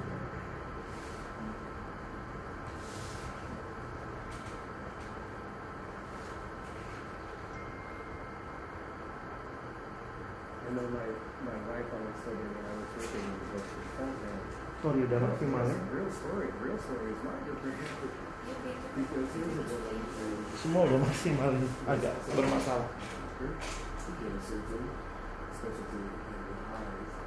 And at the same time, she raised six children and did all these incredible things. Margaret Brand became the world's foremost reporter on ocular leprosy. She traveled the world combating a hideous disease, yet she understood that her success was not based solely on her abilities. And and they just they up the. They didn't have control. They got was a first important thing I ever did. The night I felt I I spoke, come on board, I can't do it by myself. I need you. Vision for God, Dr. Martin Brand, the woman who first helped lepers to see on this day of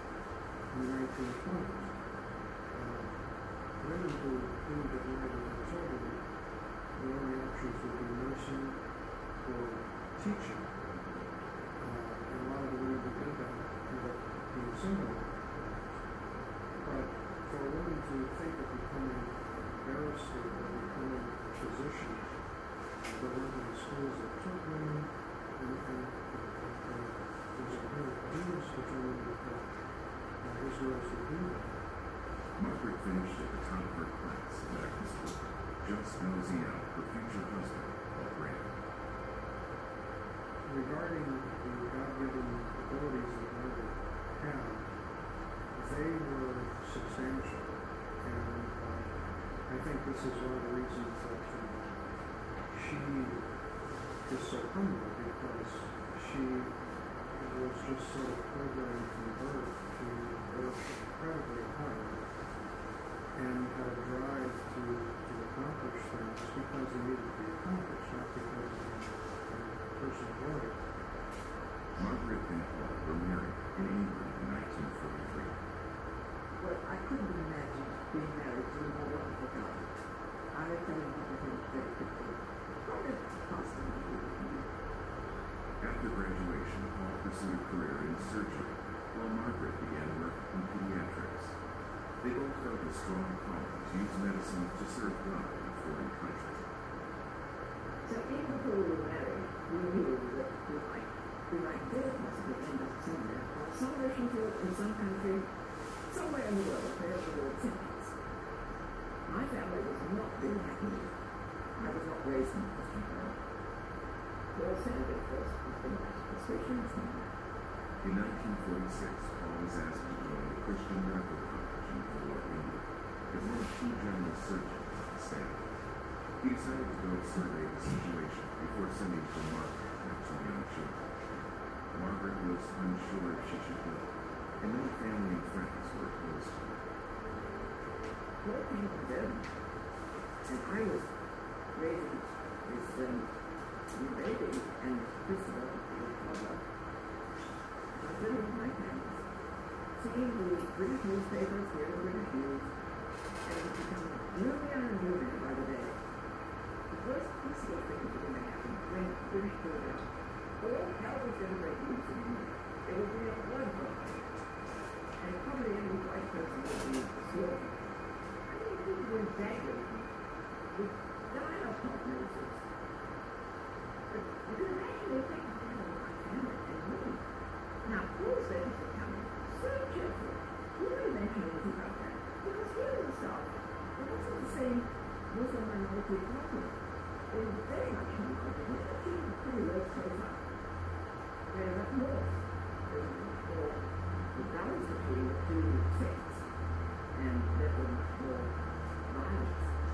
the pressure mounted, Margaret's strength came from her God. He helped her make the decision to go there.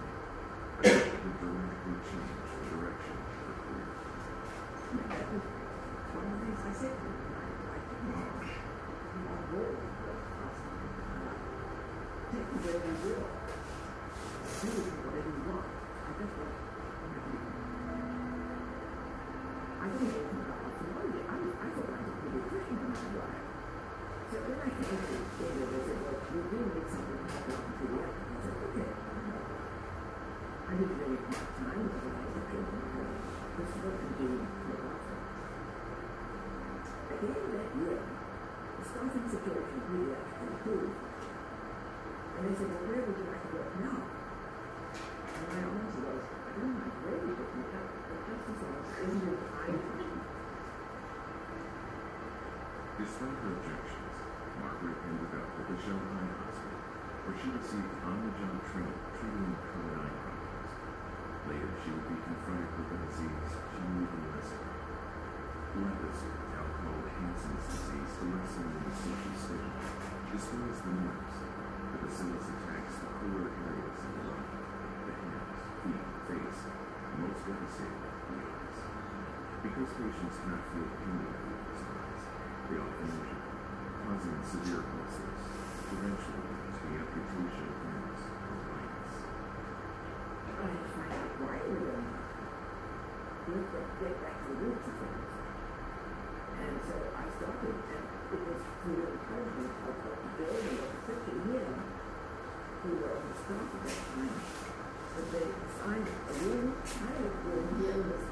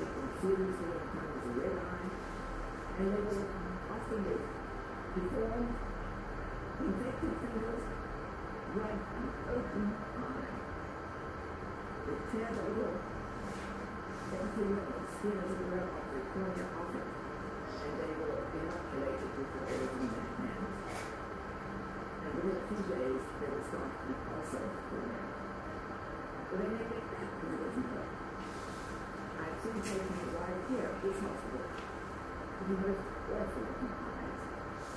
And I say to them, why sooner?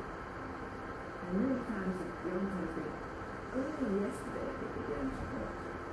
By which time the eyes not that they don't have any sensation, but their sensation has been so damaged by the itself that it's no longer active. The patients have lost sensation brings in mind that they can't break, and their eyes are open. they get angry, they get neglected, those are the ones that they can They get hurt also, and they can get filled. Many times, Margaret, you show us something in order to get patients to find a way to treat that would eventually come. Her reputation caused one patient to avoid her completely. This his thought were really so, he thought that the eye was there's a little girl. Was that doctor?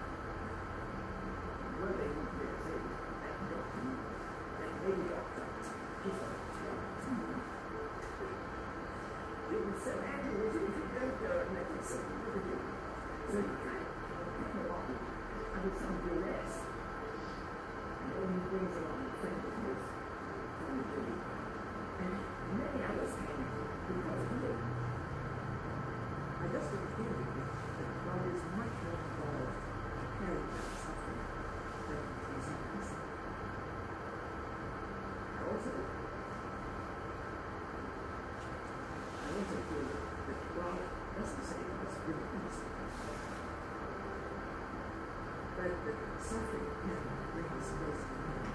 And Memphis knows how to people.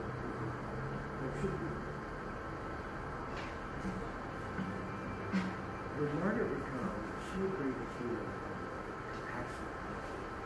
He would, for example, start telling a story of one of his patients, how he used this particular technique and met him on the floor and he moved his finger and his finger over here.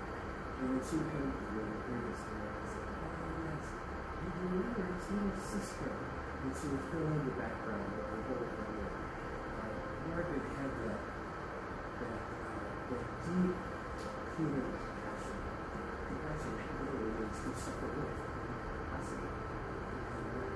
And, and there was a certain was going to helped her, but she suffered with them. She felt the pain, as it were. And it became to her her extended family.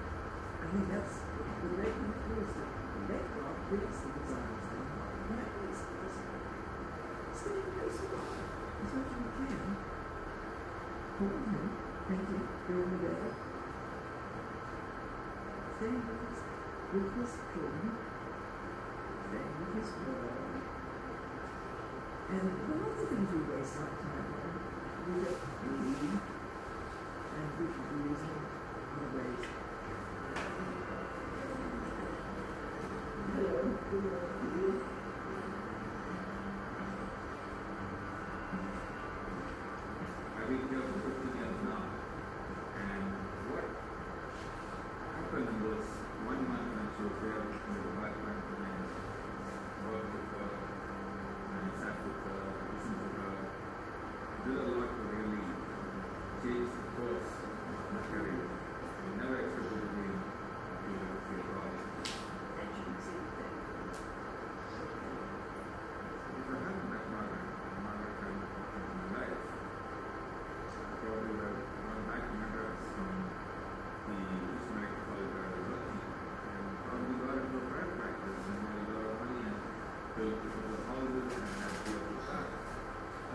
if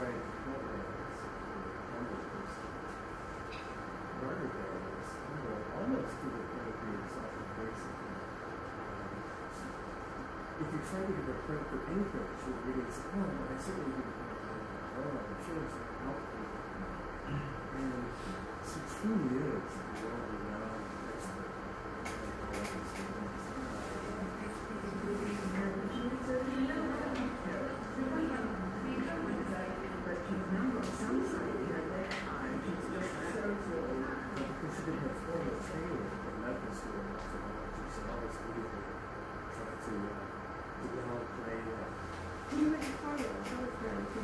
um, accomplishments, um, health position, everything more aware of the things that she was doing in her own right. And that was when she really took on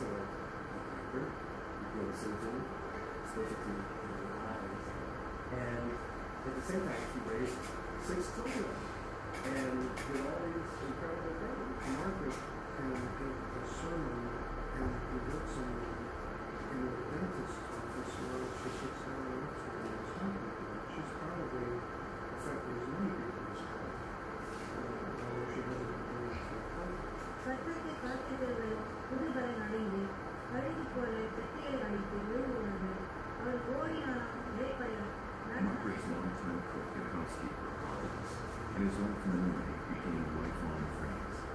Margaret and her family had supported each other the many years since they left India. And we placed that in the house that they live in. And that was something.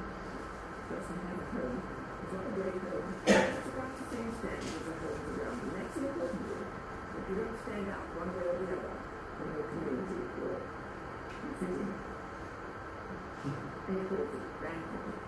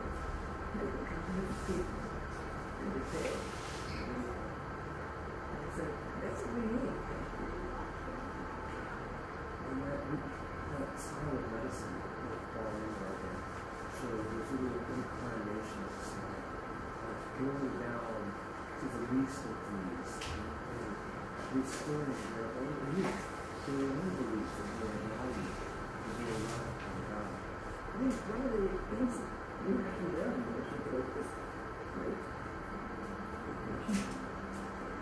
don't lose sight of your original vision. And the vision is the substance of things, the substance of things, look for the evidence that comes from the. One of the things that I learned is how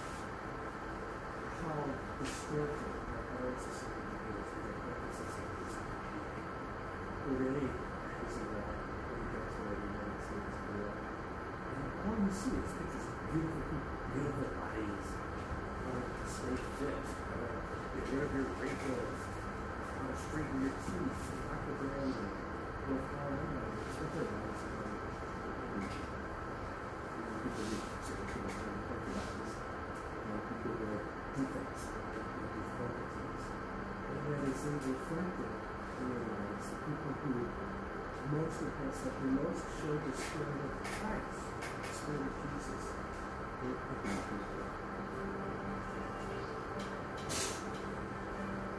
And then the Lord gave me the opportunity of working in the States in this big national area in Chandler, Louisiana. And I worked for 22 years. And then I was able to follow this food my patron. Over 15 minutes. So the first 500 days I was off the blue. And the next, I, um, there was new years, I got this extremely for long term with um, surveillance these people, watching where we live. And really, that's been a unique opportunity. And even today, she is flying around different parts of the world giving lectures. She's, she's one of the top experts in the world on leprosy affect the eyes. And I hear these stories of leprosy in the world, about these eye clinics who do cataract surgeries where they would sometimes see the surgeons would do 100 to 150 cataract operations in a day outdoors under a tree. Small things like this, we don't run much here. We have our ups and downs.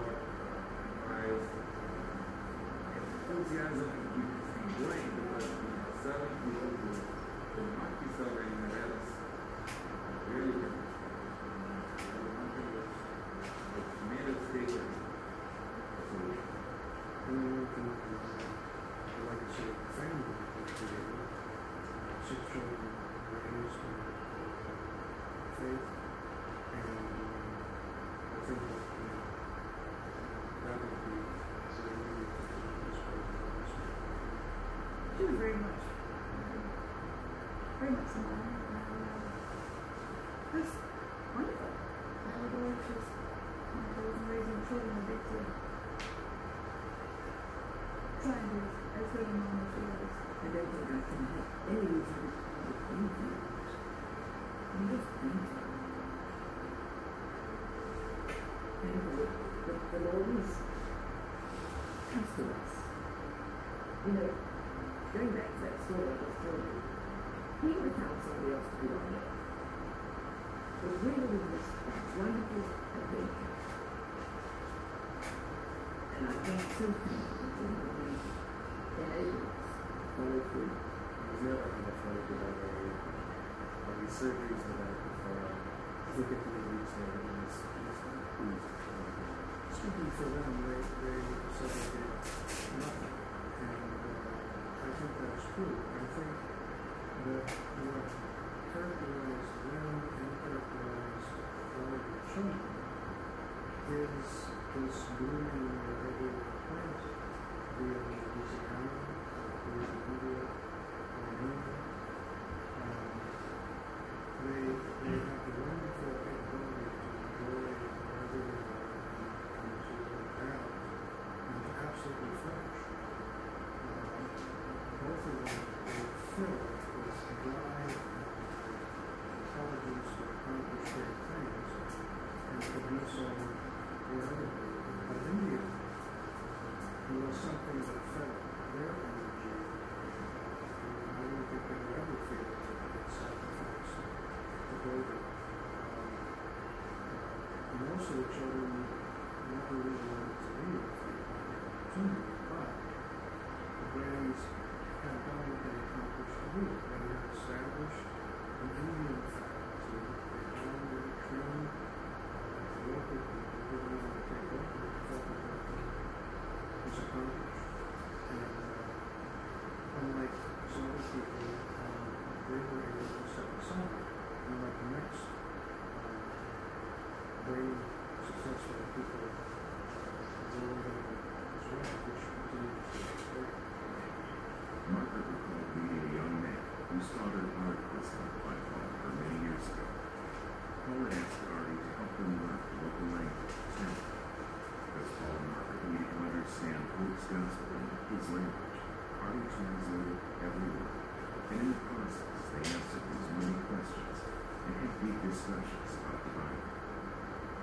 is somehow shared with murder, beating at his hand by his entire family. because what your husband had been ready to do, my whole family is victim of his pain. And uh, in the same fashion, I knew when I was a great man. And that years ago, and you never know the scene you sow today, maybe 40, 50 years before anybody's going to see our house. that there was a whole family that had come out of the gutter, that had come out of the dark into the light. And the Lord put in some of part in doing that. How can I say that? Really? You want to feel that your life is making a difference. We all do that. The same race counts. But I think it all starts with Tell me, I'm willing to take the risk of? It's not the this is. You have to do all you have to. There's a place to he'll give you the desires. He you the desire. What's the desire? In your mind, in your heart. And Psalm 37, verse 4, I think is great. He gives us the desires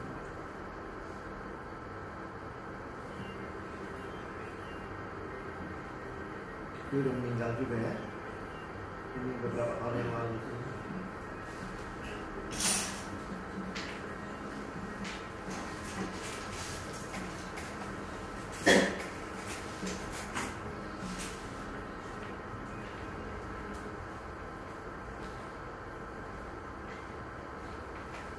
Oke, eh, saya pikir ketika panggilan itu menyatu dengan di mana Tuhan bawa kita, harusnya sih kita bisa nikmati itu ya. Bagaimana secara indah Tuhan tuntun kita hari demi hari dan bisa melihat ya bakpao yang kesekian mungkin dia bilang 50 tahun siapa tahu tapi Tuhan berkarya ya ada yang mau jadi pertanyaan Bapak? Boleh lampu nih. Yeah.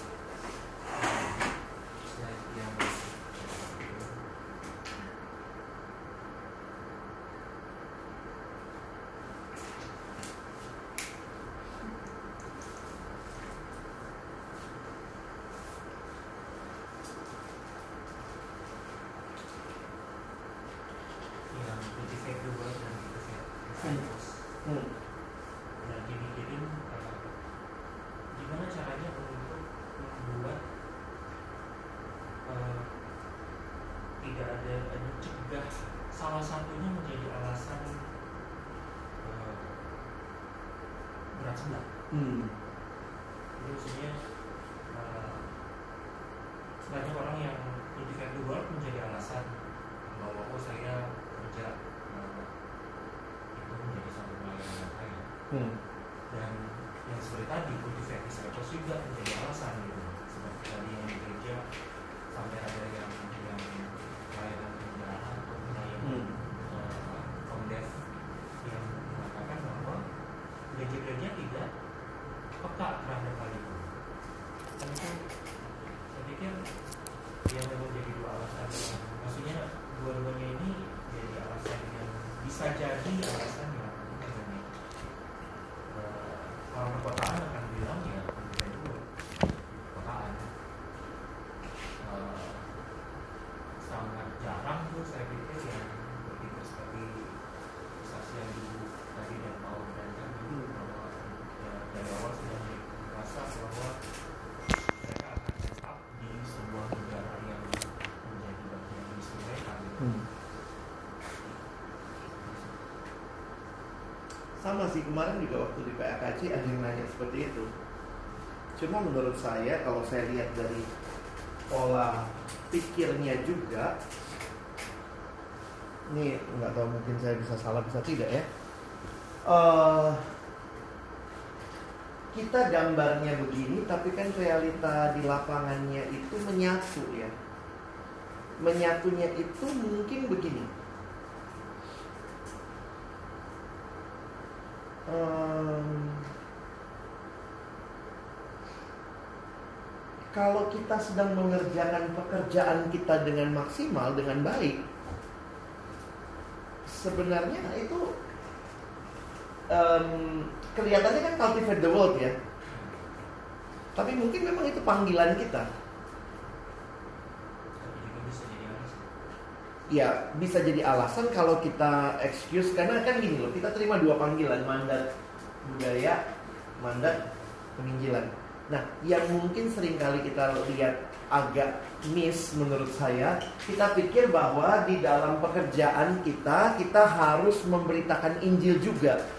Tidak selamanya.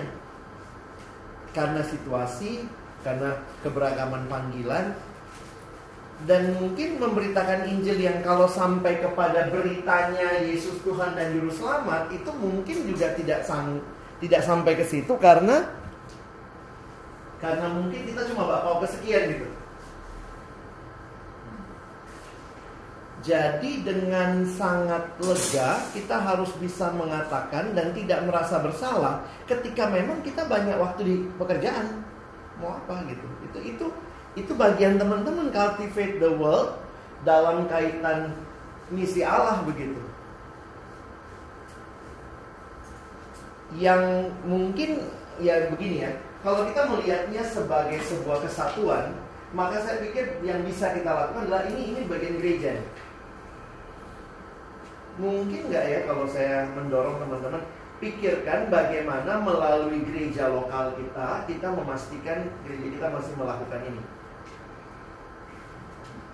Tapi kalau dari konteks bekerja, pekerjaan yang memang juga mungkin tidak tidak ada fokus langsung memberitakan Injil, maka kita jangan merasa bersalah nggak PI gitu.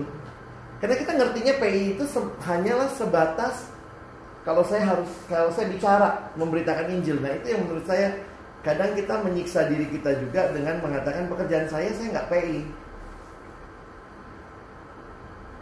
Gimana tuh Van? Cara pikirnya? Hmm. Saya, setuju. Tapi saya kemudian di uh, sedikit kita ketika uh, kan kalau dia kan orang-orang jadi membenarkan bahwa dia membenarkan tidak berPI, padahal sebenarnya kesempatan seperti itu terbuka. Kalau dia bawa dalam hidupnya dan dia tahu misalnya dia peka, sebenarnya kesempatannya kan terbuka. Tapi juga jangan menjadi orang yang ketika tidak terbuka kesempatan lalu kita menghukum diri kita nggak PI um, kalau saya lebih suka yang tadi dia bilang ya dokter ya biar aja dia praktek profesional sebagai dokter itulah bagian dia cultivate the world lalu bagaimana meng meng mengkaitkan hubungannya dengan uh, cultivate disciples mungkin dia di dalam konteks ini jadi bapak kesekian aja gitu. Kita kadang suka uh, kita kadang memaksakan orang itu juga harus uh, berPI verbal. Itu kadang-kadang yang aku pikir kita terjebak di dalam seolah-olah PI verbal itulah demi memenuhi karena kita ngelihat penginjilan itu cuma PI verbal kita selalu melihatnya nol ke sini padahal membangun relasi di pekerjaan sebenarnya logikanya masuk ke masuk mana ini apa ini kita suka bilangnya masuk yang atas nggak masuk di sini Padahal waktu orang misalnya lebih ngelihat, iya orang Kristen nggak seperti itu ya. Itu pun adalah cara Tuhan memakai. Jadi kalau kita udah bawa itu dalam hidup kita, ini menyatu, itu sebenarnya nggak nggak kepisah-pisah lagi. Dan saya bisa dengan istilahnya waktu saya fokus di pekerjaan saya, saya bisa dengan lega mengatakan emang ini bagian yang Tuhan percayakan kepada saya.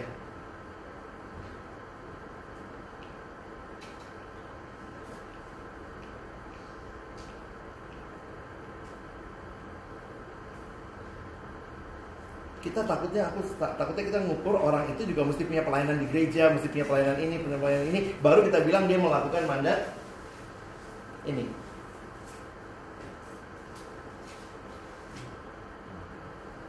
Boleh nggak saya bilang bahwa uh, tentu saya berbuat itu adalah sesuatu yang kita bilang bahwa dia betul-betul melakukan bagiannya.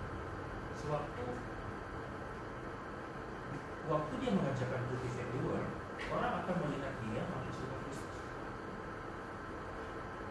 Dalam saya pikir ini, uh, saya saya saya uh, istilahnya uh, waktu keluar dari eh waktu masih di sebuah perusahaan ya, itu nikmat banget itu. Maksudnya uh, istilahnya ya kerja sampai malam dan sebagainya, tantangan banyak gitu tapi akhirnya menyadari bahwa uh, ya keluarga nggak bagus gitu di situ hmm. dan sebagainya gitu tapi kalau saya pikir uh, I'm doing nothing uh, at work, iya banget menurut saya ya. Tapi saya pikir orang nggak melihat saya, istilahnya lah ya, uh, walaupun alasannya nggak ini. Tapi kalau saya lihat sekarang, ya memang orang nggak lihat. Memang itu bukan bagian, bukan bukan bagian bukan yang saya lihat situ sih. Hmm, hmm. Karena ya, orang nggak bakal lihat saya sebagai seseorang yang makin Hmm. ya istilahnya lah yang makin bagus. Mungkin nggak ya seperti itu. Jadi maksudnya jangan sampai waktu kita menikmati dunia kerja kita juga atau apa tetapi itu jadi satu alasan Untuk? di mana untuk eh, saya boleh di situ dengan dengan luar biasa gitu. Dan, eh, dan bisa aja kita ke pelayanan dengan baik dan sebagainya tapi itu kayak jadi excuse Makanya kalau dia bawanya dengan nyata dalam hidup sebenarnya dia harus bisa mempertimbangkan hal-hal keseimbangan itu kali ya. Bisa gitu. Karena eh, jadi begini loh, jangan jangan berpikir kalau kita bicara cultivate the world ini ada ini loh. Love God, love others gitu. Makanya saya menarik juga kemarin Bang Daniel Ginting kasih kasih kalau dia punya secara pribadi dari mana dia tahu dia udah tidak pas nih di sini. Dia lihat apakah dia di dalam relasi dia dengan Tuhan dan sesama seperti apa. Ini. Jadi jangan juga kita pisahkan dan banyak orang yang misalnya pakai excuse begitu Padahal dengan dia kerja sampai malam, sampai apa, kemudian anak nggak diperhatikan, keluar nggak diperhatikan, terus kemudian pelayanannya luar biasa, padahal di rumah mungkin berantakan. Nah, hal-hal seperti ini saya pikir bisa harus jadi pemban apa penyeimbangnya.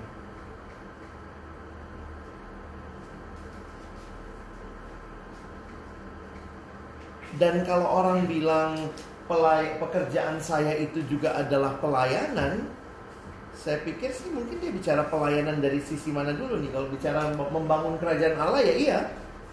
Pekerjaan kita tuh adalah bagian Tuhan membangun kerajaannya melalui kehadiran kita. Misalnya dengan accounting kita bangun pabrik bikin proyek itu sebenarnya membangun kerajaan Allah. Makanya kalau si Timothy Keller bilang begini kerajaan Allah tuh jangan kita mengerti di sono. Yang kita kerjakan bakal hancur tapi di sini dan bagaimana itu memberikan kontribusi buat dunia milik Allah. Sama lah kayak anak kecil berantakin mainan. Orang tua yang baik suruhnya ngapain? Beresin.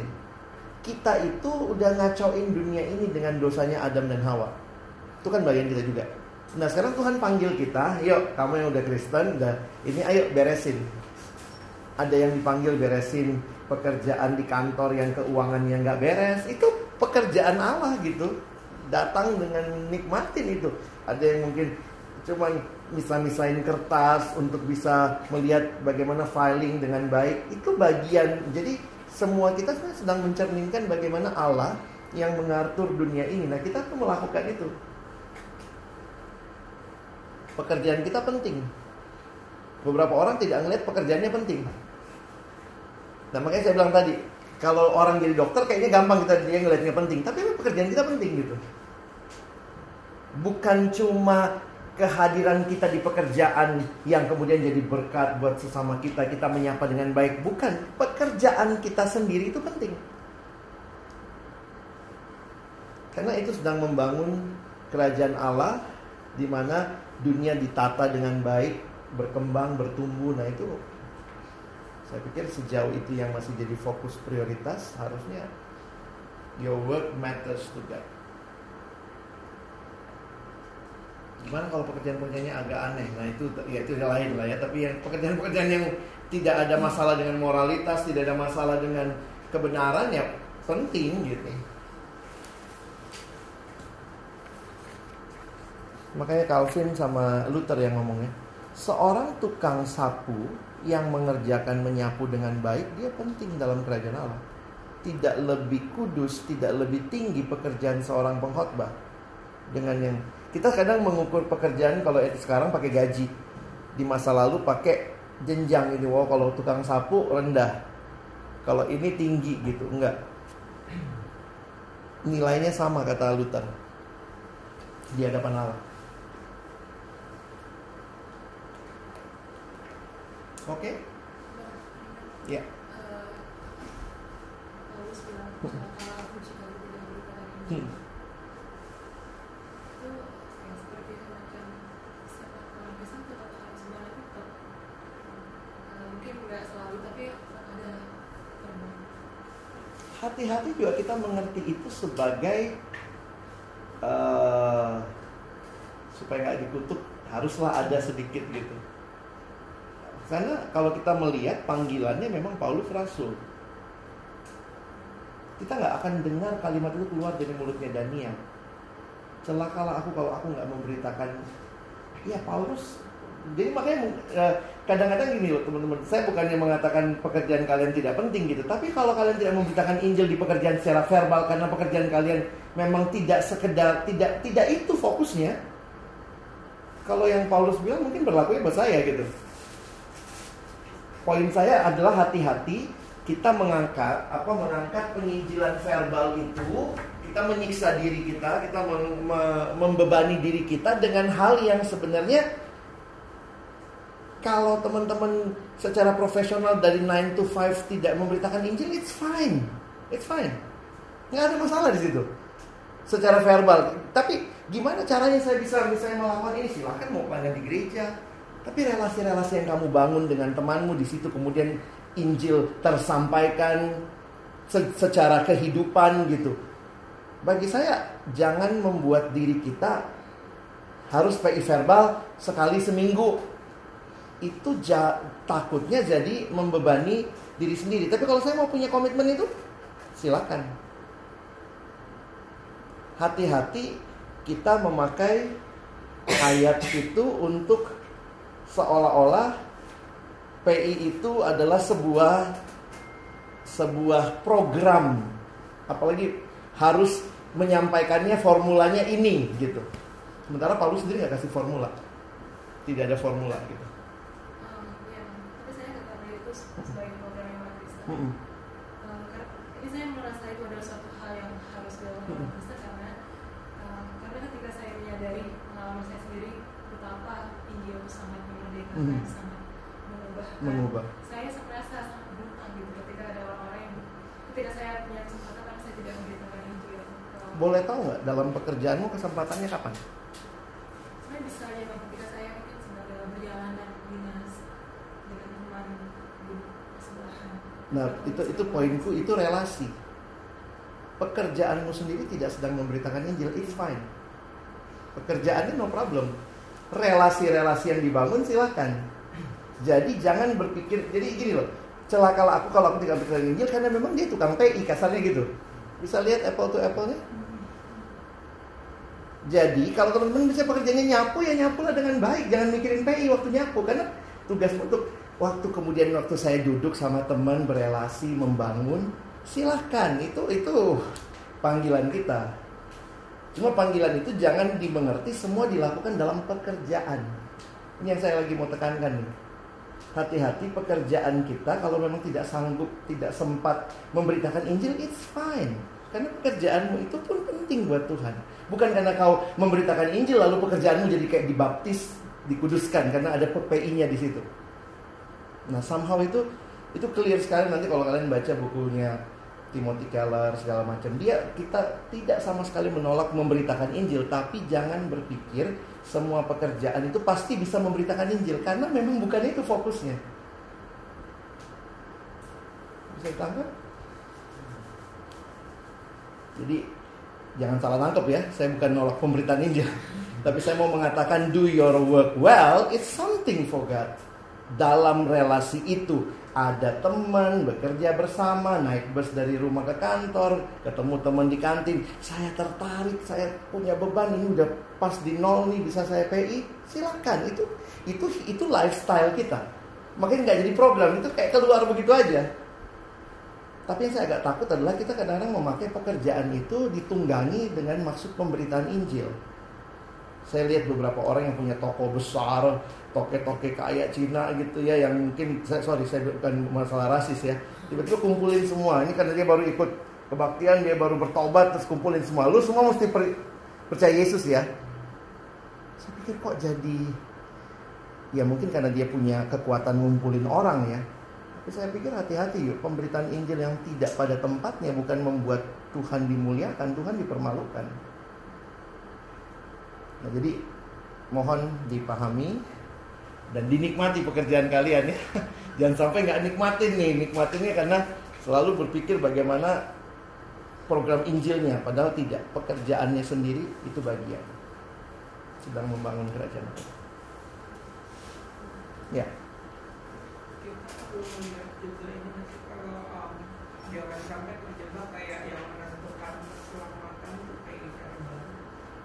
Ya. Karena uh, aku lihat ada orang yang bahkan uh, dari P di mana pun juga tetap nggak nerima dan sebaliknya ada juga orang yang uh, saya beberapa kali ketemu dia tuh orang yang pakai bahkan tanpa di PI dan caranya gila-gila semua Hmm. ada yang cuma dari mimpi Mimpi ya. ada yang uh, cuman karena stiker Hmm. stiker Alkitab ada skala minggu karena dia tertarik itu jadi tahu ada dan termasuk Pak Anwar kan juga ceritanya juga ya bukan kayak itu tapi dari dia sendiri gitu makanya akhirnya Hmm. juga itu yang harus kita sadari kan di situ letak uh, kehendak Tuhan kedaulatan Tuhannya juga Hmm. jangan sampai kita lihat kayak uh, periferbalnya segalanya mengatur keselamatan orang Yesus Saya harus mohon sebenarnya itu materi minggu lalu yang saya bagikan di kertas.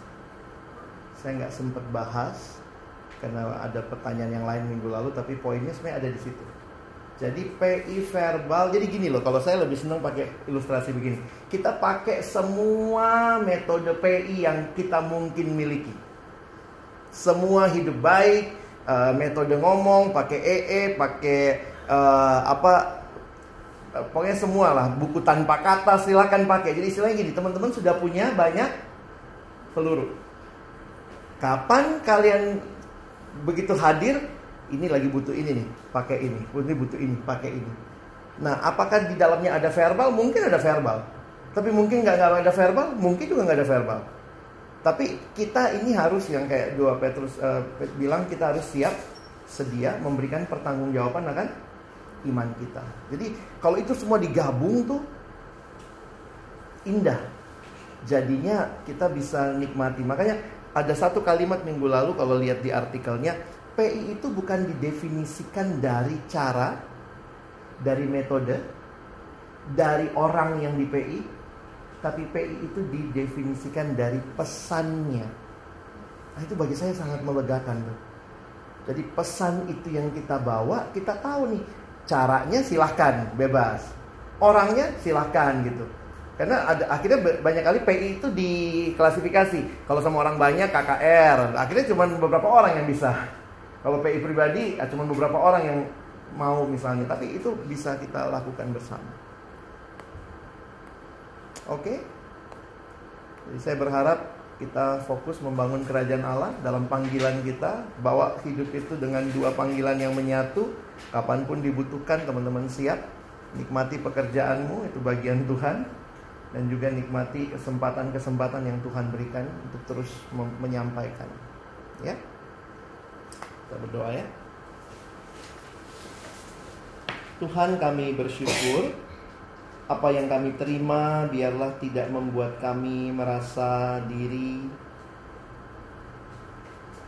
paling tahu, paling mengerti tetapi benar-benar bisa belajar juga melihat berbagai aspek yang ada. Kami sungguh berdoa biarlah pemahaman tentang kerajaan Allah menyatu begitu rupa sehingga kami bisa hadir secara utuh tidak menjadi pribadi-pribadi yang dikotomi, terpecah-pecah dalam pemahaman tetapi benar-benar membawa Kristus hadir di dalam keseharian kami. Baik di dalam pekerjaan, di dalam relasi kami, di dalam berbagai hal yang kami lakukan, biarlah kami boleh melihat kami sedang berbagian di dalam membangun kerajaan. Hamba berdoa bagi teman-teman di dalam pekerjaan, di dalam mungkin juga terlibat dalam panggilan misi yang dilakukan baik di gereja, ada yang terlibat mungkin di lembaga tertentu, ada yang memberi diri juga kepada orang-orang tertentu untuk dilayani, didoakan, memberi dana ke tempat itu. Kami sungguh berdoa Tuhan, tolonglah supaya kami mengerti hatimu yang sangat luas itu. Dan kami pun belajar untuk terbuka melihat berbagai hal yang ada di sekitar kami. Hamba berdoa menyerahkan tiga pertemuan yang sudah kami lalui menjadi pertemuan-pertemuan yang kembali mengingatkan kami Waktu kami bekerja, kami hadir dalam masyarakat apa pun yang kami lakukan. Menyatu betul kehadiran kami sebagai pribadi-pribadi yang membangun kerajaan. Terima kasih Tuhan dan kami bersyukur untuk malam hari ini juga Kalau sebentar kami akan berpisah Tuhan berkati dalam perjalanan tiba dengan selamat di tujuan kami. Dalam nama Tuhan Yesus kami bersyukur dan menutup seluruh rangkaian pertemuan kami. Amin. Terima kasih. Ada pengumuman